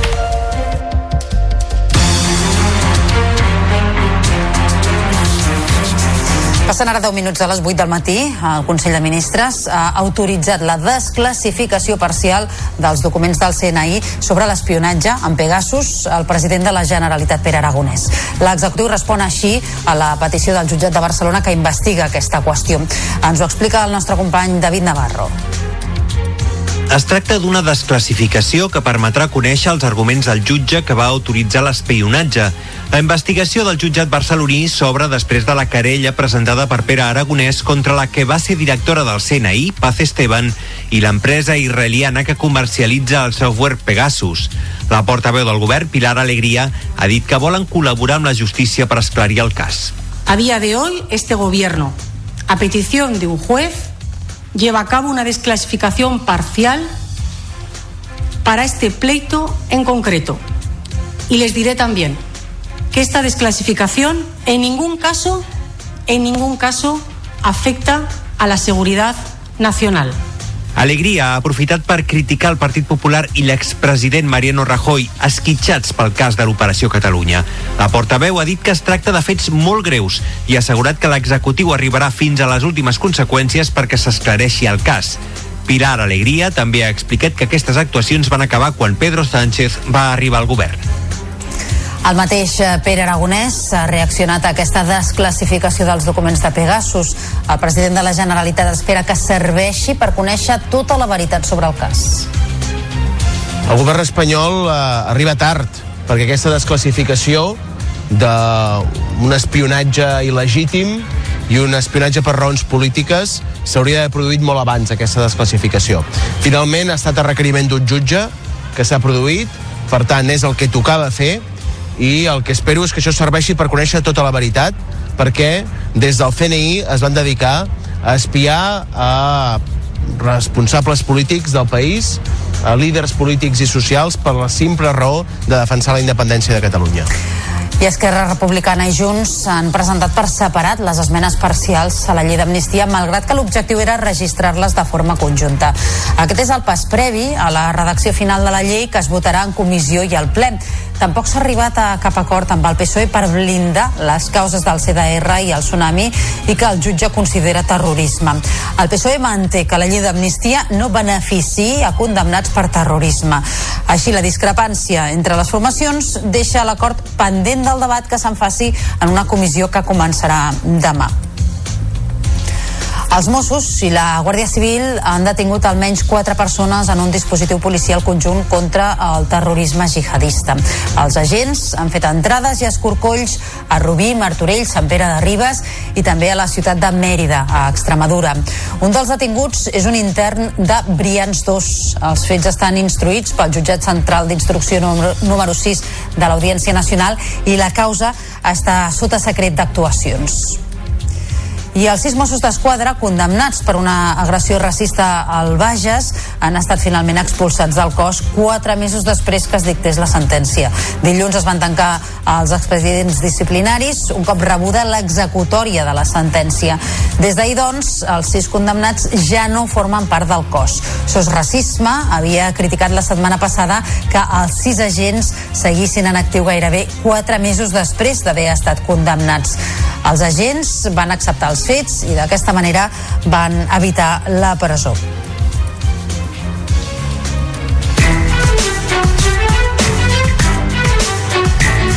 Tot apunta que s'ha superat el pic de l'epidèmia de grip a Catalunya. S'hi va arribar la setmana passada, segons les dades de salut, que mostren un lleu descens de les infeccions respiratòries respecte de la primera setmana de l'any. No obstant això, el nivell de transmissió continua sent alt, sobretot en menors de 4 anys, i no es descarta que pugui arribar un segon pic aquest hivern. I el nombre de persones hospitalitzades per Covid ha baixat, tot i que continua havent-hi 625 a planta i 26 a la UCI. I un estudi de Mútua de Terrassa constata que la celiaquia entre els infants s'ha reduït a la meitat a Catalunya en els últims 10 anys. Un estudi fet abans de la pandèmia conclou que la vacuna contra el rotavirus pot haver actuat com a factor protector. El rotavirus és un virus que causa gastroenteritis. Ens ho expliquen des de Canal Terrassa. L'administració d'aquest antídot en els nadons s'ha generalitzat a Catalunya durant l'última dècada, fet que pot haver desactivat molts casos de celiaquia. Així ho indica l'estudi de prevalença transversal de la malaltia celíaca a l'edat pediàtrica, que ha comptat amb la participació de prop de 3.700 infants i que es va desenvolupar entre els anys 2013 i 2019. Els estudis obtinguts s'han comparat amb els d'una altra investigació realitzada amb una metodologia idèntica que el mateix grup va dur a terme entre els anys 2004 i 2009. L'estudi reflecteix una trajectòria de tres dècades d'investigació, impulsada en part per una gran implicació social. És el primer dins d'un projecte més ampli, ja que es complementarà amb la publicació de dos estudis més que es troben en la fase final. El treball va ser adjudicat al grup de recerca de l'aparell digestiu de Mútua Terrassa, recollint la demanda d'incrementar la investigació en aquest àmbit per part de ciutadans i associacions de pacients registrades al Congrés dels Diputats. El Consell de Ministres ha equiparat la regulació de les cigarretes electròniques a les tradicionals i s'ha prohibit que s'hi afegeixin aromatitzants. Així, els dispositius electrònics que continguin tabac no podran incloure productes que en modifiquin el gust i tampoc no es podran vendre filtres, papers de fumar, càpsules o qualsevol altre producte que alteri el sabor del tabac. El Reial Decret aprovat aquest dimarts entrarà en vigor tres mesos després que es publiqui el butlletí oficial de l'Estat i estén aquests productes l'obligació d'informar dels riscos per a la salut. I el govern espanyol prepara una aplicació per limitar l'accés dels nens a les webs per adults. I és que els estudis apunten que un de cada quatre adolescents de menys de 12 anys ha tingut o té accés al porno i gairebé la meitat dels menors de 15 anys en consumeixen de forma regular. La portaveu del govern, Pilar Alegria, ha explicat que a través de l'Agència de Protecció de Dades i la fàbrica de moneda i timbre s'està preparant aquesta APP que seria pionera a Europa i que podria estar en funcionament abans de l'estiu. Amb aquest nou sistema, el telèfon reconeix l'usuari i li permet o no accedir als webs. En cas que l'usi un menor, se li denega. I d'altra banda, s'està preparant també un pla integral de caràcter multidisciplinari que ha de conduir també a una nova llei per a la protecció dels menors a internet. Un sistema de verificación de la edad que además ha sido ya probado con los principales navegadores y cuyo objetivo principal es proteger a los menores del acceso al contenido para adultos. Es una iniciativa también que es pionera en Europa y que desde luego preveemos que se pueda poner en marcha antes del verano de 2024. Els catalans tenen un nivell de satisfacció amb la vida de 6,9 sobre 10, segons l'indicador de benestar subjectiu, una nova eina que ha presentat la Generalitat aquest dimarts i que ha de portar dades per a millorar les polítiques públiques. L'informe es basa en enquestes fetes a unes 4.000 persones i segons les dades obtingudes, la satisfacció amb la vida s'incrementa amb l'edat, el nivell d'estudis i d'ingressos.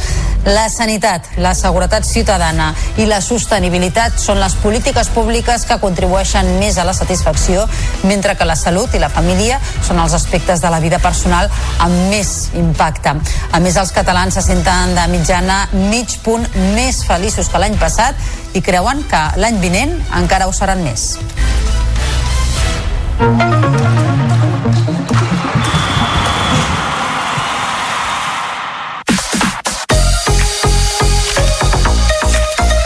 El Barça i el Real Madrid es juguen avui al pas a la final de la Supercopa femenina, el primer títol de la temporada. Blaugranes i madridistes reeditaran la semifinal del curs passat quan les de Giraldez es van endur al triomf. Les novetats de la convocatòria són els retorns de Catacoll i Marta Torrejón. El partit es jugarà a partir de les 7 a Leganés, on qui guanyi diumenge disputarà la final contra el Llevant. El Barça, guanyador de les últimes dues edicions, vol sumar el títol per agafar embranzida de cara al tram decisiu del curs. En parla el tècnic Jonathan Giraldez.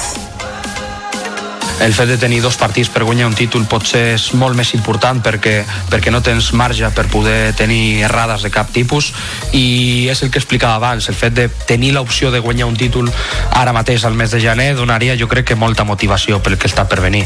Eh, ara mateix estem en un moment de la temporada on crec que estem molt bé a nivell tàctic, a nivell físic, a nivell mental et diria també eh, i estem amb ganes. El Girona es juga aquesta nit la classificació per als quarts de final de la Copa del Rei. Rep el Rayo Montilivi a partir de dos quarts de deu amb la intenció de fer un pas més en una temporada que ja és històrica. Els de Mitchell confien en el factor camp per colar-se entre els vuit millors de la competició. Més dades des de Televisió de Girona, Bru Ortega. El Girona també vol fer història en la Copa del Rei. Una copa que pot ser la via més ràpida per aconseguir un títol. Enfront tindrà un rival dur de pelar com el Rayo de l'exentrenador Francisco, però amb l'avantatge de jugar com a local a Montilivi, tal com explica Mitchell. Bueno, un partido complicadísimo a nivel de juego, pero eh, la pequeña ventaja existe que, que jugamos en casa.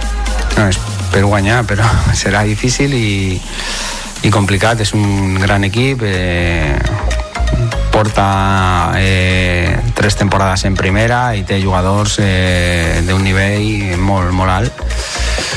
Però nosaltres també som un equip que, que és difícil de guanyar, ho hem demostrat eh, eh, aquest any i, i espero continuar de la mateixa manera. El Girona necessita oblidar l'últim entrebanca en Lliga, els Jocs del Mediterrani davant l'Almeria, i tornar a oferir la versió que té acostumats els aficionats gironins aquest curs si vol passar de ronda en la Copa. Una Copa en la que l'equip gironí també vol fer història. L'Espar Girona i el Cadí la Seu es disputen avui seguir vius a l'Eurocup femenina de bàsquet. A les 7 a Fontejau disputaran el partit de tornada dels vuitens de final.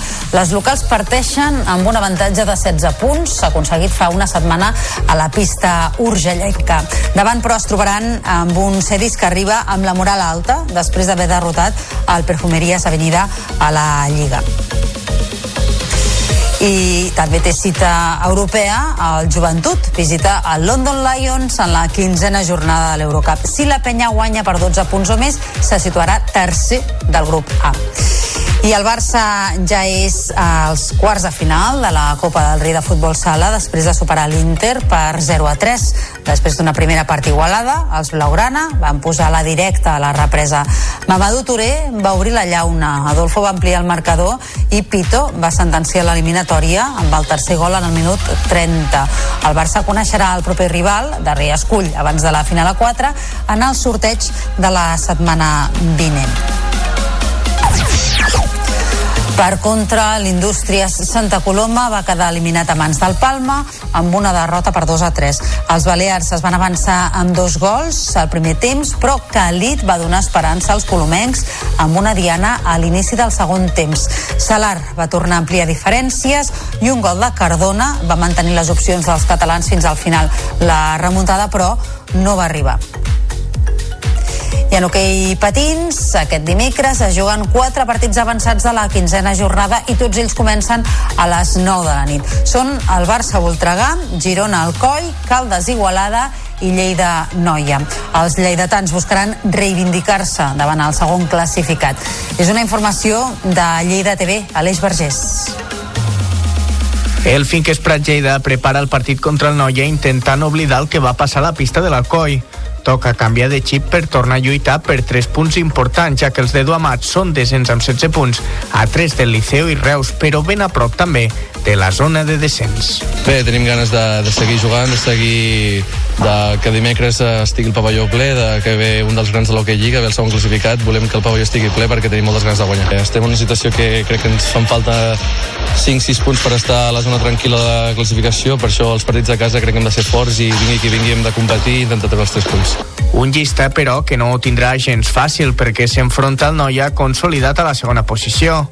A més, ha estat l'únic equip capaç de fer mal al Barça amb un empat a dos. El partit es disputa a les 9 al pavelló 11 de setembre. Fita històrica de la selecció espanyola de waterpolo, el combinat entrenat per David Martín i amb majoria de jugadors catalans va guanyar la final de l'europeu davant Croàcia per 10 a 11. El gol decisiu va ser obra del terrassenc Álvaro Granados i va culminar la remuntada després d'haver anat perdent per 10 a 8 després del tercer període. L'or continental també dona al combinat la classificació per als Jocs Olímpics de París.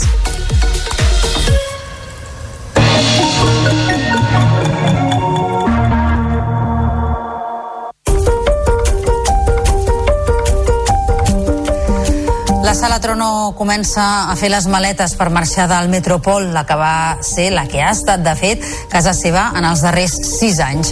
Les obres de rehabilitació del teatre comencen a finals de març i des de la Trono esperen poder dur a terme tota la temporada de primavera, que s'allargarà fins al mes de maig, però de cara a la tardor encara no hi ha cap espai sobre la taula per acollir les activitats de la Sala Tarragonina. Ens ho expliquen des de TAC 12. Tot i això, s'han programat 16 obres per a la temporada de primavera que començarà el 2 de febrer. En el millor dels casos, les negociacions amb l'Ajuntament permetran que els espectacles d'abril i maig puguin compaginar-se amb els primers compassos dels treballs de rehabilitació del teatre. Ara mateix, però, és incert que això pugui ser així i no es descarta acabar la temporada en un altre emplaçament. El que està encara menys clar és on anirà la Trono de cara a la tardor. No tenim sala per la temporada que ve, no sabem on anirem, jo espero que alguna cosa puguem fer, encara que sigui programar a, a, a la Rambla o al menjador de casa meva, perquè fa molta pena que la Trono es mori, però en aquest cas nosaltres seguim treballant, fent teatre per Tarragona i hi ha opcions de que la Trona marxi de Tarragona. Sí, no diré que no. Sí, podríem anar a un altre lloc.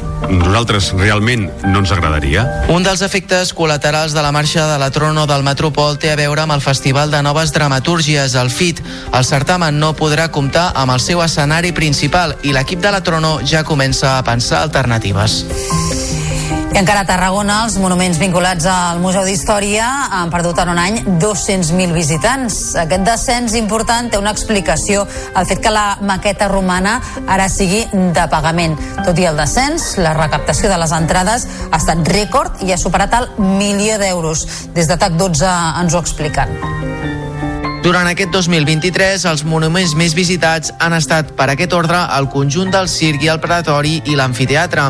Que han registrat al voltant de 150.000 visitants cadascun i el passeig arqueològic amb 117.000. La gran novetat de la proposta tarragonina enguany, el nou mapping de la Volta del Pallol, ha registrat prop de 3.000 visitants des de la seva inauguració a finals de març, una xifra que des de Patrimoni reconeixen que ha de millorar amb una major promoció i introducció en les visites escolars aquest 2024. Valorar doncs, si ha d'entrar dintre del passi tarragoní o altres eh, opcions que, que hi puguem tenir. No? Ara ten, tindrem les escoles que també se'ls oferirà.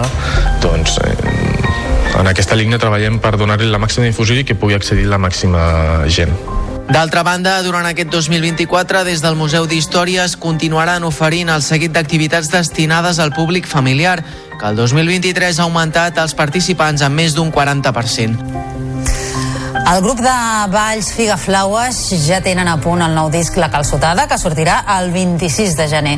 El nou videoclip és Quatre Quissos, una peça d'afrobeat sensual i ballable. I cauen quatre quisos no són suficients quatre quisos ens estem coneixent quatre quisos com dos quisos content quatre quisos mitjançant el pastel quatre quisos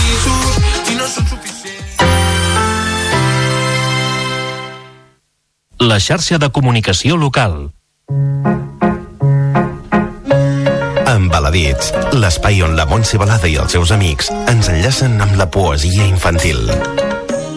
Heu sentit mai a parlar d'un gat que parli en català? Doncs benvinguts a l'Embaladits.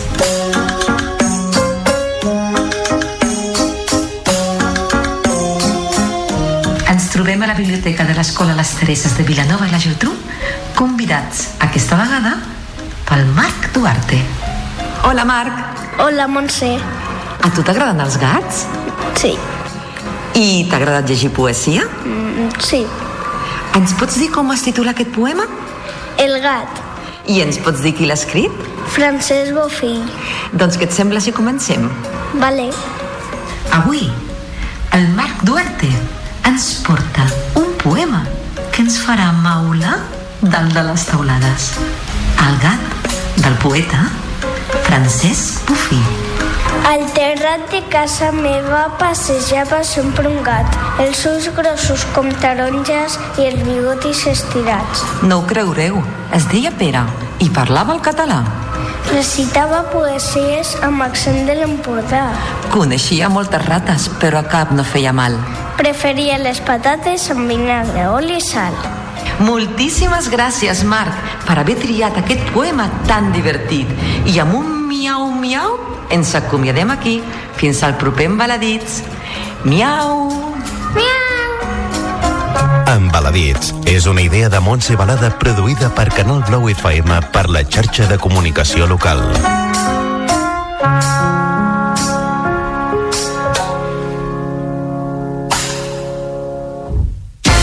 Xarxa de comunicació local.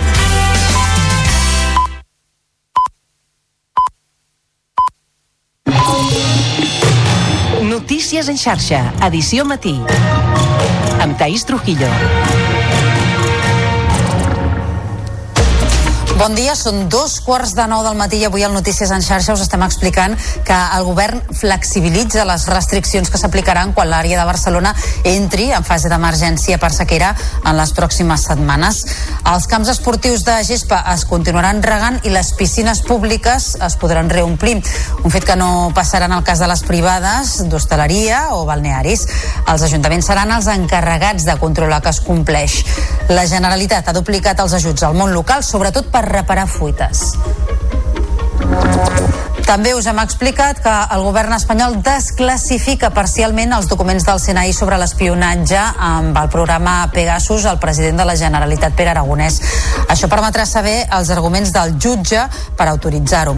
L'executiu de Pedro Sánchez carrega contra el PP i assegura que arribarà fins a les últimes conseqüències.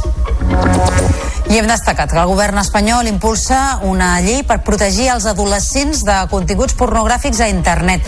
El document estableix un sistema de verificació per tal que els menors no hi puguin tenir accés. Gairebé la meitat dels adolescents de menys de 15 anys ha consumit algun cop pornografia a les xarxes. Ho analitzarem tot seguit amb Ona Lorda, que és responsable de polítiques d'infància de Save the Children a Catalunya. I la celiaquia en els infants s'ha reduït a la meitat en els últims 10 anys.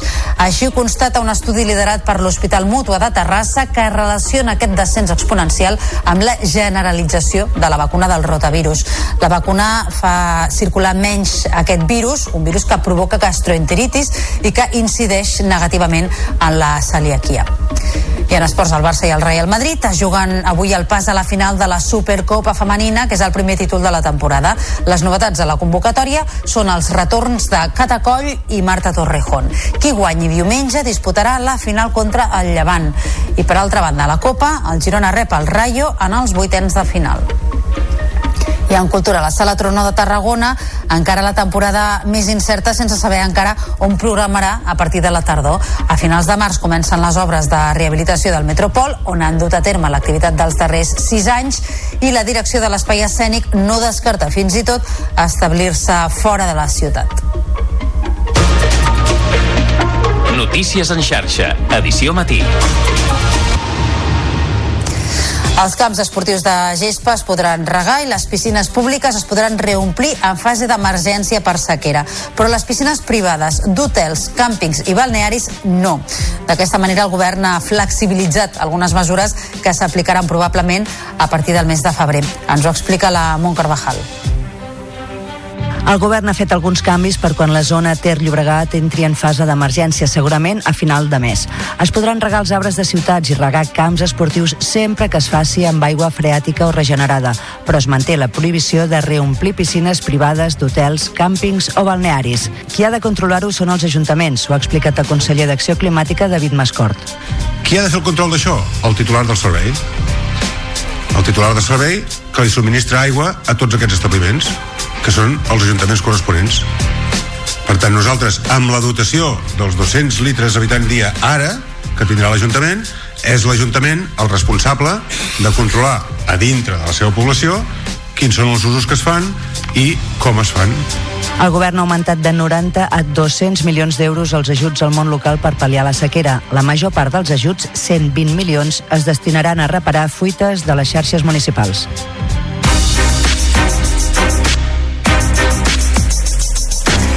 El Consell de Ministres ha autoritzat la desclassificació parcial dels documents del CNI sobre l'espionatge amb Pegasus al president de la Generalitat, Pere Aragonès. L'executiu respon així a la petició del jutjat de Barcelona que investiga aquesta qüestió. Ens ho explica el David Navarro. Es tracta d'una desclassificació que permetrà conèixer els arguments del jutge que va autoritzar l'espionatge. La investigació del jutjat barceloní s'obre després de la querella presentada per Pere Aragonès contra la que va ser directora del CNI, Paz Esteban, i l'empresa israeliana que comercialitza el software Pegasus. La portaveu del govern, Pilar Alegría, ha dit que volen col·laborar amb la justícia per esclarir el cas. A día de hoy, este gobierno, a petición de un juez, lleva a cabo una desclasificación parcial para este pleito en concreto. Y les diré también que esta desclasificación en ningún caso, en ningún caso afecta a la seguridad nacional. Alegria ha aprofitat per criticar el Partit Popular i l'expresident Mariano Rajoy, esquitxats pel cas de l'Operació Catalunya. La portaveu ha dit que es tracta de fets molt greus i ha assegurat que l'executiu arribarà fins a les últimes conseqüències perquè s'esclareixi el cas. Pilar Alegria també ha explicat que aquestes actuacions van acabar quan Pedro Sánchez va arribar al govern. El mateix eh, Pere Aragonès ha reaccionat a aquesta desclassificació dels documents de Pegasus. El president de la Generalitat espera que serveixi per conèixer tota la veritat sobre el cas. El govern espanyol eh, arriba tard, perquè aquesta desclassificació d'un espionatge il·legítim i un espionatge per raons polítiques s'hauria d'haver produït molt abans aquesta desclassificació. Finalment ha estat a requeriment d'un jutge que s'ha produït, per tant és el que tocava fer i el que espero és que això serveixi per conèixer tota la veritat perquè des del CNI es van dedicar a espiar a responsables polítics del país, a líders polítics i socials per la simple raó de defensar la independència de Catalunya. Esquerra Republicana i Junts han presentat per separat les esmenes parcials a la llei d'amnistia, malgrat que l'objectiu era registrar-les de forma conjunta. Aquest és el pas previ a la redacció final de la llei que es votarà en comissió i al ple. Tampoc s'ha arribat a cap acord amb el PSOE per blindar les causes del CDR i el tsunami i que el jutge considera terrorisme. Així la discrepància entre les formacions deixa l'acord pendent del debat que se'n faci en una comissió que començarà demà.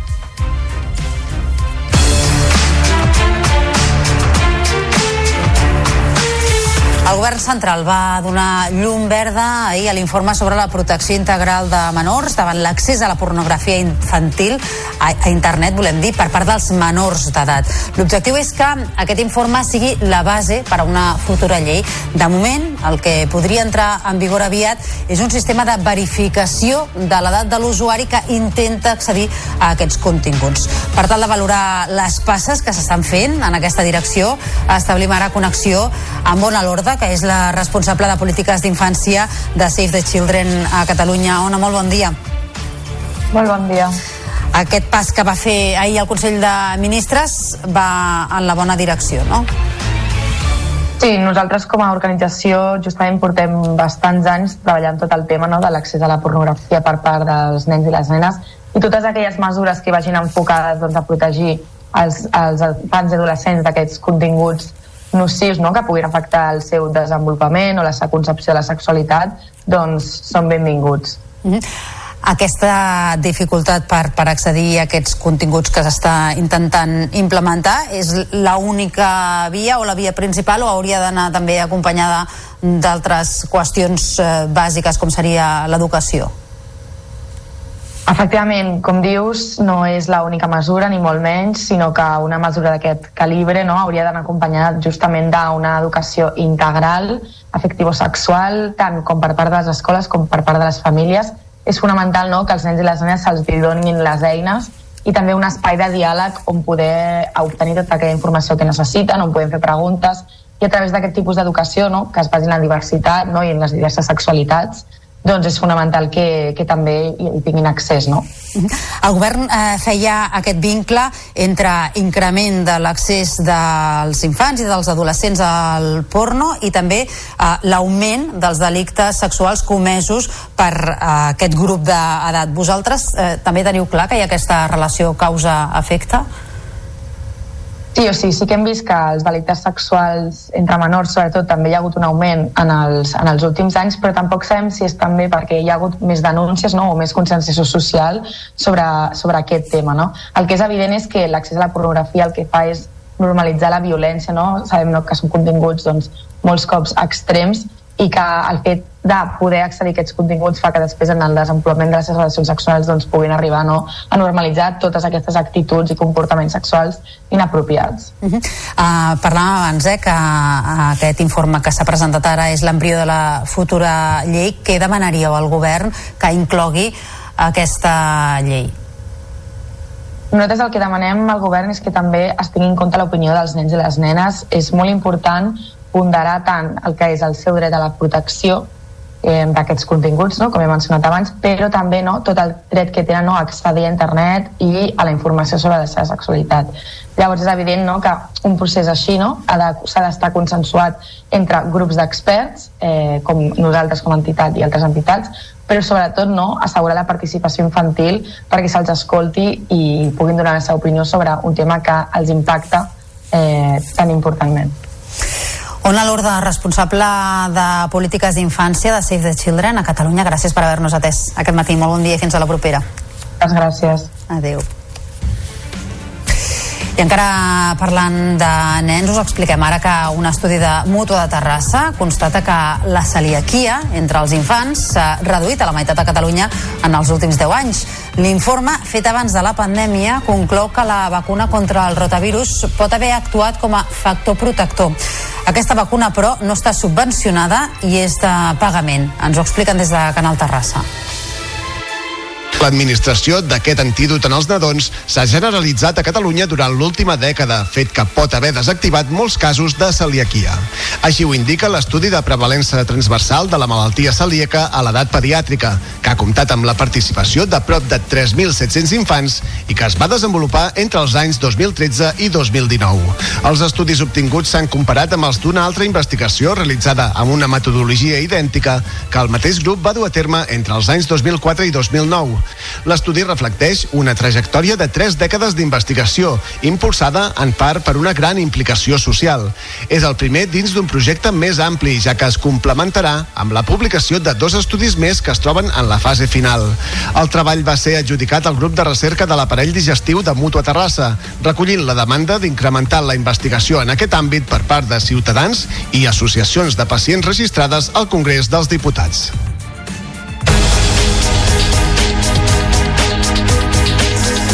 Tal com us hem anat explicant al llarg del Notícies en xarxa d'aquest matí, els gimnasos i clubs municipals o les piscines inscrites al registre de la Generalitat són un dels sectors que s'ha beneficiat de la flexibilització de les restriccions de l'emergència per sequera que entrarà en vigor previsiblement el mes que ve. Volem saber com ho valoren, per això hem enviat a un equip de la xarxa amb les nostres companyes Zoraida Mas i Helena Puigdueta a una d'aquestes instal·lacions esportives. Helena, molt bon dia. Hola, molt bon dia. I és evident que segurament el conseller d'Acció Climàtica també ha tingut en compte les demandes del sector que dies enrere posaven el crit al cel quan es deia que segurament ja les dutxes dels gimnasos i dels clubs esportius no es podrien engegar. Evidentment, el sector deia no prenguem mesures unilaterals, consensuem-ho perquè això no funciona. A més, els gimnasos, els clubs esportius ja portem temps intentant aplicar mesures per estalviar aigua. És el cas, per exemple, d'aquest club, d'aquesta instal·lació esportiva esportiva és el Club Claró, és un club de quatre que n'hi han aquí a l'Ajuntament, a l'Ajuntament no, a la Barcelona, que depenen, això sí, de l'Ajuntament, són instal·lacions municipals i d'aquesta qüestió en volem parlar amb en Gabriel eh, Domingo, ell és el director justament general d'aquests clubs Claró, que són, deia, municipals. Gabriel, molt bon dia. Molt bon dia. Com valoreu que d'alguna manera els vostres negocis, aquestes instal·lacions esportives, clubs de fitness, eh, piscines municipals, eh, clubs esportius en general, hàgiu, hàgiu estat d'alguna manera una excepció? Home, ho valorem positivament. De fet, eh, si s'hagués aplicat tal com estava fins ara el decret de sequera, eh, el, el que tocava en, en situació d'emergència, que és la propera que vindrà, era el tancament de les dutxes. I, per, i agraïm molt que, la, que, el, que el govern hagi flexibilitzat aquesta situació i hagi fet una excepció en els centres que tenim piscines perquè entenem que l'activitat física és una cosa absolutament necessària i que dintre d'aquests nivells de prioritat doncs que no sigui la primera que, que pagui diguéssim les, les conseqüències d'aquestes restriccions que d'altra banda són lògiques que hagin de ser perquè la situació és extrema, extremament greu no? Gabriel, eh, vosaltres heu anat dient per activa i per passiva que fa molt temps que esteu aplicant mesures eh, d'estalvi fins al punt que en els últims 3 anys, aquests que ja parlem de sequera, heu estalviat, em sembla que em dèieu, el 33% d'aigua respecte al període abans de la sequera. Què heu fet? Explica'ns-ho. Sí, sí, de fet és així. I en aquest moment estem consumint una tercera part menys d'aigua de la que consumíem abans nosaltres en de la Covid perquè és el moment que ens van tancar els centres esportius. En el moment en què els hem reobrir vam començar a aplicar mesures d'estalvi de, de, que abasten diferents àmbits. D'una banda tot el tema de, de les pròpies dutxes, que tenim no només disminució de la pressió, sinó a més a més hem posat unes, unes petites peces que ens redueixen el cabal de cada dutxa i assegura que surten 12 litres per minut en una dutxa i no més, però també hem canviat el sistema de netejat de les piscines, el sistema de netejat de les platges de les piscines, que abans netejàvem amb mànegues d'aigua i ara estem netejant amb màquines fregadores que tenen un consum hídric molt baix. Eh, i bueno, un, un conjunt de mesures que portem ja doncs, dos anys i mig aplicant i que porten com a resultat això és en aquest moment eh, aquests centres esportius i entenc que la majoria de centres esportius de la ciutat hem, hem fet un esforç gegantí per reduir el consum d'aigua. Eh? Uh, Gabriel, uh, parlem de uh, fase d'emergència, encara no hi som, i uh, s'ha dividit en subfases. La potser la més flagrant, la més difícil, la, la que pot portar més dificultat és la tercera, en què uh, gairebé tot estarà prohibit. Uh, què heu pensat i quin impacte pot tenir això? Perquè, a més a més, uh, s'ensopegarà aquesta tercera fase o aquesta subfase 3 en ple estiu. Bé, jo, jo sóc dels que penso que la fase 3 no hi arribarem. No hi arribarem perquè és molt severa. I si arribem a fase 3 el, segurament no serà rellevant el que passi als centres esportius sinó que serà rellevant les restriccions que tindrem fins i tot a nivell domèstic. Um, hi ha una cosa que és important que sàpiga la gent que és que la- la- l'Agència Catalana de l'Aigua el que pretén és preservar l'aigua de boca. I el que fa és restringir els altres usos que no són de boca o l'aigua higiènica, diguéssim, per la, per la higiene personal. Llavors, Uh, què, què està dient? Que en, en fase d'emergència, la primera, que és la que entrarà ara el, el, segurament el mes de febrer, um, el que demana és que no s'usi l'aigua per fer ús diferent de l'higiènic, que és el reomplir-te de piscines o el rec de pistes. Si ho, la flexibilitat on ve? Que si ho fem, que nosaltres ara gastem molta menys aigua quan ho fem de la que fèiem, hem de garantir que estem estalviant una aigua equivalent eh, en algun altre ús que hi ha al centre, entre ells les dutxes. Val? Ara és important entendre que això afectarà aquells que reguin pistes o aquells que reomplin piscines. Els que no reguen pistes o no reomplen piscines, en emergència 1 no tenen restricció. Doncs Gabriel Domingo, moltíssimes gràcies per atendre'ns. Tant de bo tinguis raó, tant de bo no arribem a la tercera fase. En tot cas, és possible que sí, que aquí a l'àrea metropolitana, que l'àrea de Barcelona, d'aquí a 15 dies aproximadament, a l'1 de febrer, s'entri en aquesta fase d'emergència, serà quan les conques internes dels nostres embassaments estiguin al 16%. De moment estem entre el 16,2 i el 16,7.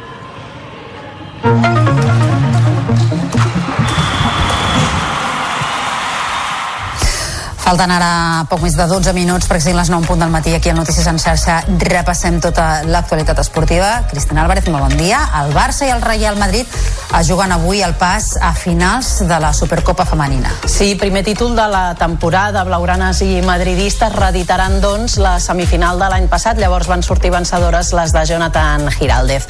El partit començarà a les 7 de la tarda i es disputarà a Leganés. Qui guanyi, diumenge disputarà la final contra el Llevant.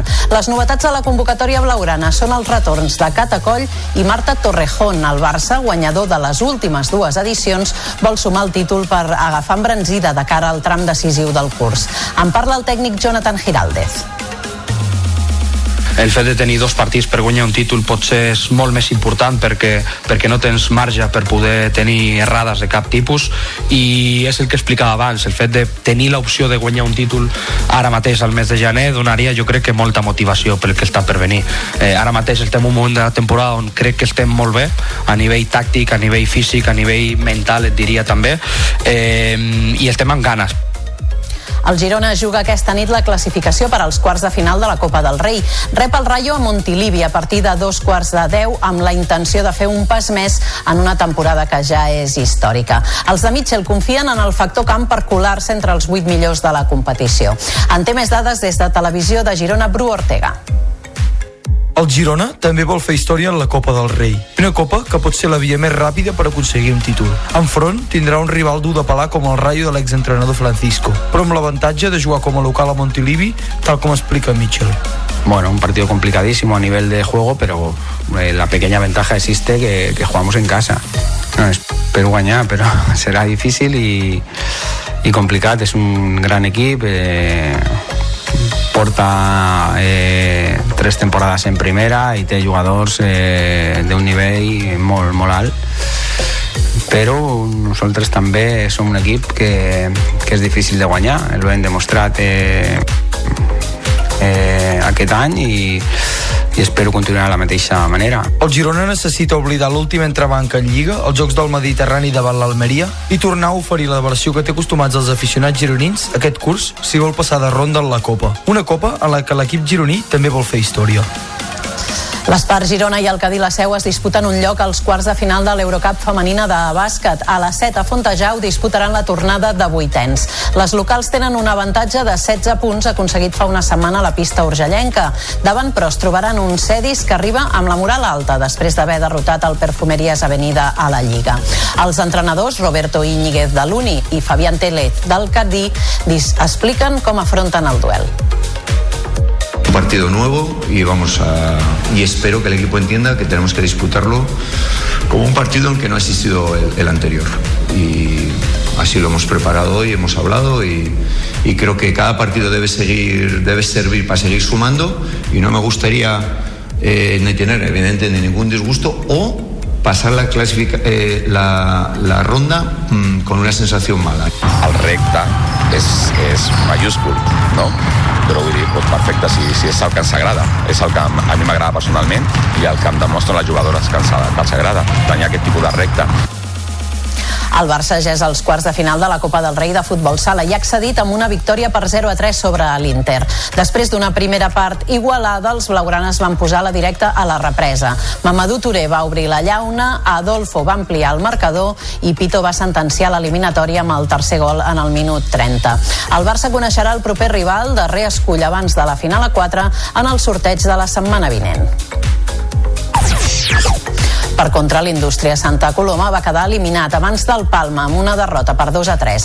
Els balears es van avançar amb dos gols al primer temps, però Calit va donar esperances als colomencs amb una diana a l'inici del segon temps. Salar va tornar a ampliar diferències i un gol de Cardona va mantenir les opcions dels catalans fins al final. La remuntada, però, no va arribar. Els colomencs, doncs, eliminats, el Barça que ja és als quarts de final d'aquesta Copa a l'espera de conèixer rival. Gràcies, Cristina, que vagi molt bé. Que vagi bé. Nosaltres ara, obrint plana cultural, explicant-vos que la sala Trono de Tarragona comença ja a fer les maletes per marxar del Metropol, que ha estat casa seva en els darrers sis anys, i ho fan a causa de les obres de rehabilitació a l'edifici. Esperen poder quedar-s'hi encara en aquest Metropol fins que acabi la temporada de primavera, a finals del mes de maig, però de cara a tardor encara no saben on hi podran dur la seva activitat. Ens ho expliquen els companys de TAC 12. Tot i això, s'han programat 16 obres per a la temporada de primavera que començarà el 2 de febrer. En el millor dels casos, les negociacions amb l'Ajuntament permetran que els espectacles d'abril i maig puguin compaginar-se amb els primers compassos dels treballs de rehabilitació del teatre. Ara mateix, però, és incert que això pugui ser així i no es descarta acabar la temporada en un altre emplaçament. El que està encara menys clar és on anirà la Trono de cara a la tardor. No tenim sala per la temporada que ve, no sabem on anirem? Jo espero que alguna cosa puguem fer encara que sigui programar a, a, a la Rambla o al menjador de casa meva perquè em fa molta pena que la Trono es mori però en aquest cas nosaltres seguim treballant, fent teatre per Tarragona i hi ha opcions de que la Trona marxi de Tarragona. Sí, no diré que no. Sí, podríem anar a un altre lloc. Nosaltres realment no ens agradaria. Un dels efectes col·laterals de la marxa de la Trono del Metropol té a veure amb el Festival de Noves Dramatúrgies, el FIT. El certamen no podrà comptar amb el seu escenari principal i l'equip de la Trono ja comença a pensar alternatives. I una altra sala amb problemes és l'antic teatre a Barcelona. Ja fa un any que l'Ajuntament va anunciar que la compraria i que passaria a formar part de la xarxa d'equipaments culturals de la ciutat. Així es garantia que l'espai pogués continuar funcionant després que la propietat amenacés de multiplicar per 5 el preu del lloguer. Els actuals gestors demanen que s'inclogui els pressupostos del 2024. L'Ajuntament ha reiterat el seu compromís per comprar l'equipament i ha explicat que el tràmit està en marxa. Xavier Mercè és el regidor de Cultura. El procés d'expropiació segueix en marxa, no hi ha cap problema. Quan tinguem la notificació i passada les al·legacions corresponents, que mm, no sabem què poden donar a partir de les respostes que ha de fer la Generalitat en aquest cas, podrem procedir a l'expropiació de la qual tenim, a més, una taxació eh, que ens permet eh, saber que no és una xifra especialment, eh, diguem, disparatada i que, per tant, no hi ha d'haver cap problema. L'enregistrament de la Copla Berga Jove, que vol dignificar la feina feta pel mestre Joan Baptista Lambert sobre els arranjaments de les músiques de la Patum, ja està en procés de postproducció. El treball es presentarà el dia 21 d'abril amb un concert a la plaça del Forn de Berga com homenatge als 140 anys del naixement del músic català. Ens ho explica l'Héctor Aranda, de la televisió del Berguedà. Fa unes setmanes, abans d'acabar l'any, es van reunir al local d'assaig de la Polifònica de Porreig per poder enregistrar el treball que ha dirigit Denis Rojo amb l'edició i mescla de so d'Enric Giner al capdavant de Tassó Laboratori de So. I el que fem nosaltres és uh, plantejar aquesta gravació d'estudi uh, perquè aquest arranjament quedi com, com un enregistrament que per conservar el patrimoni, de manera que es pugui consultar, la gent el pugui reconèixer i el pugui escoltar. La Cobla Berga Jove farà possible la primera gravació que es fa de la música del mestre Lambert. En altres ocasions, els enregistraments no s'havien editat pel gran públic. Per tant, dignificaran la feina del compositor i també la de Ricard Quadra, que va interessar-se per les partitures de Lambert i va rescatar-les de l'oblit més absolut. En total, uns 30 30 músics van fer possible l'enregistrament. Ara està en procés d'edició i postproducció. Una vegada finalitzat, es pretén fer un llançament d'unes 1.000 còpies que estaran a la venda pel públic en general. I acabem amb el grup de balls Figaflaues, que ja tenen a punt el nou disc La Calçotada, que sortirà el 26 de gener. El nou videoclip és Quatre Quissos, una peça d'afrobeat sensual i ballable. Amb la música dels Figaflaues ens acomiadem per avui, tornem demà a primera hora del matí. Que vagi molt bé. Estem coneixent, quatre quissos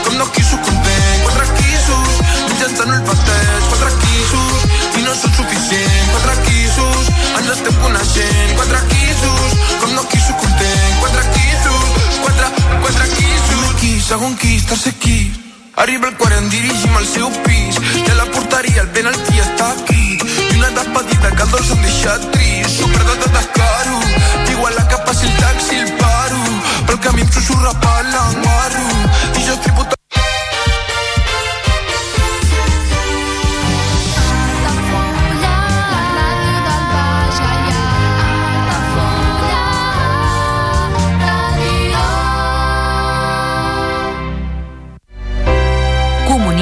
2024. Dates ja disponibles amb sales privades, jardí, pàrquing privat i la millor gastronomia. Més informació i reserves al 977 65 11 55 i a comercial arroba altafullamarotel.com o al web altafullamarotel.com. Les teves celebracions familiars a l'Altafulla Mar Hotel.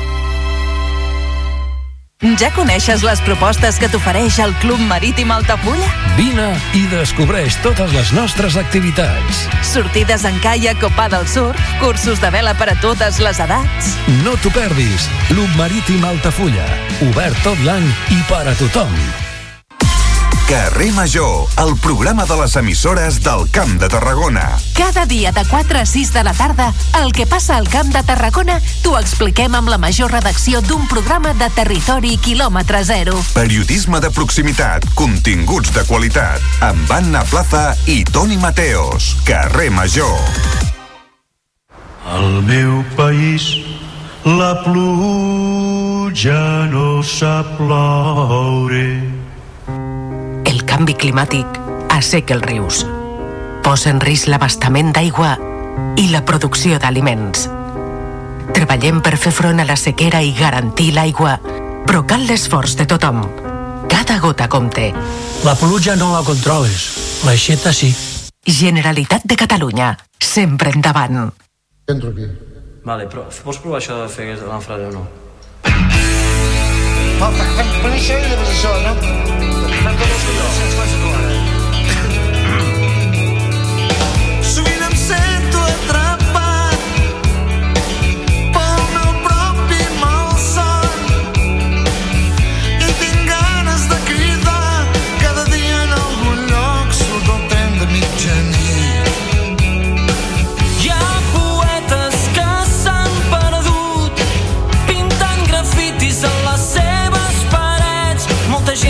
gent que es troba sola.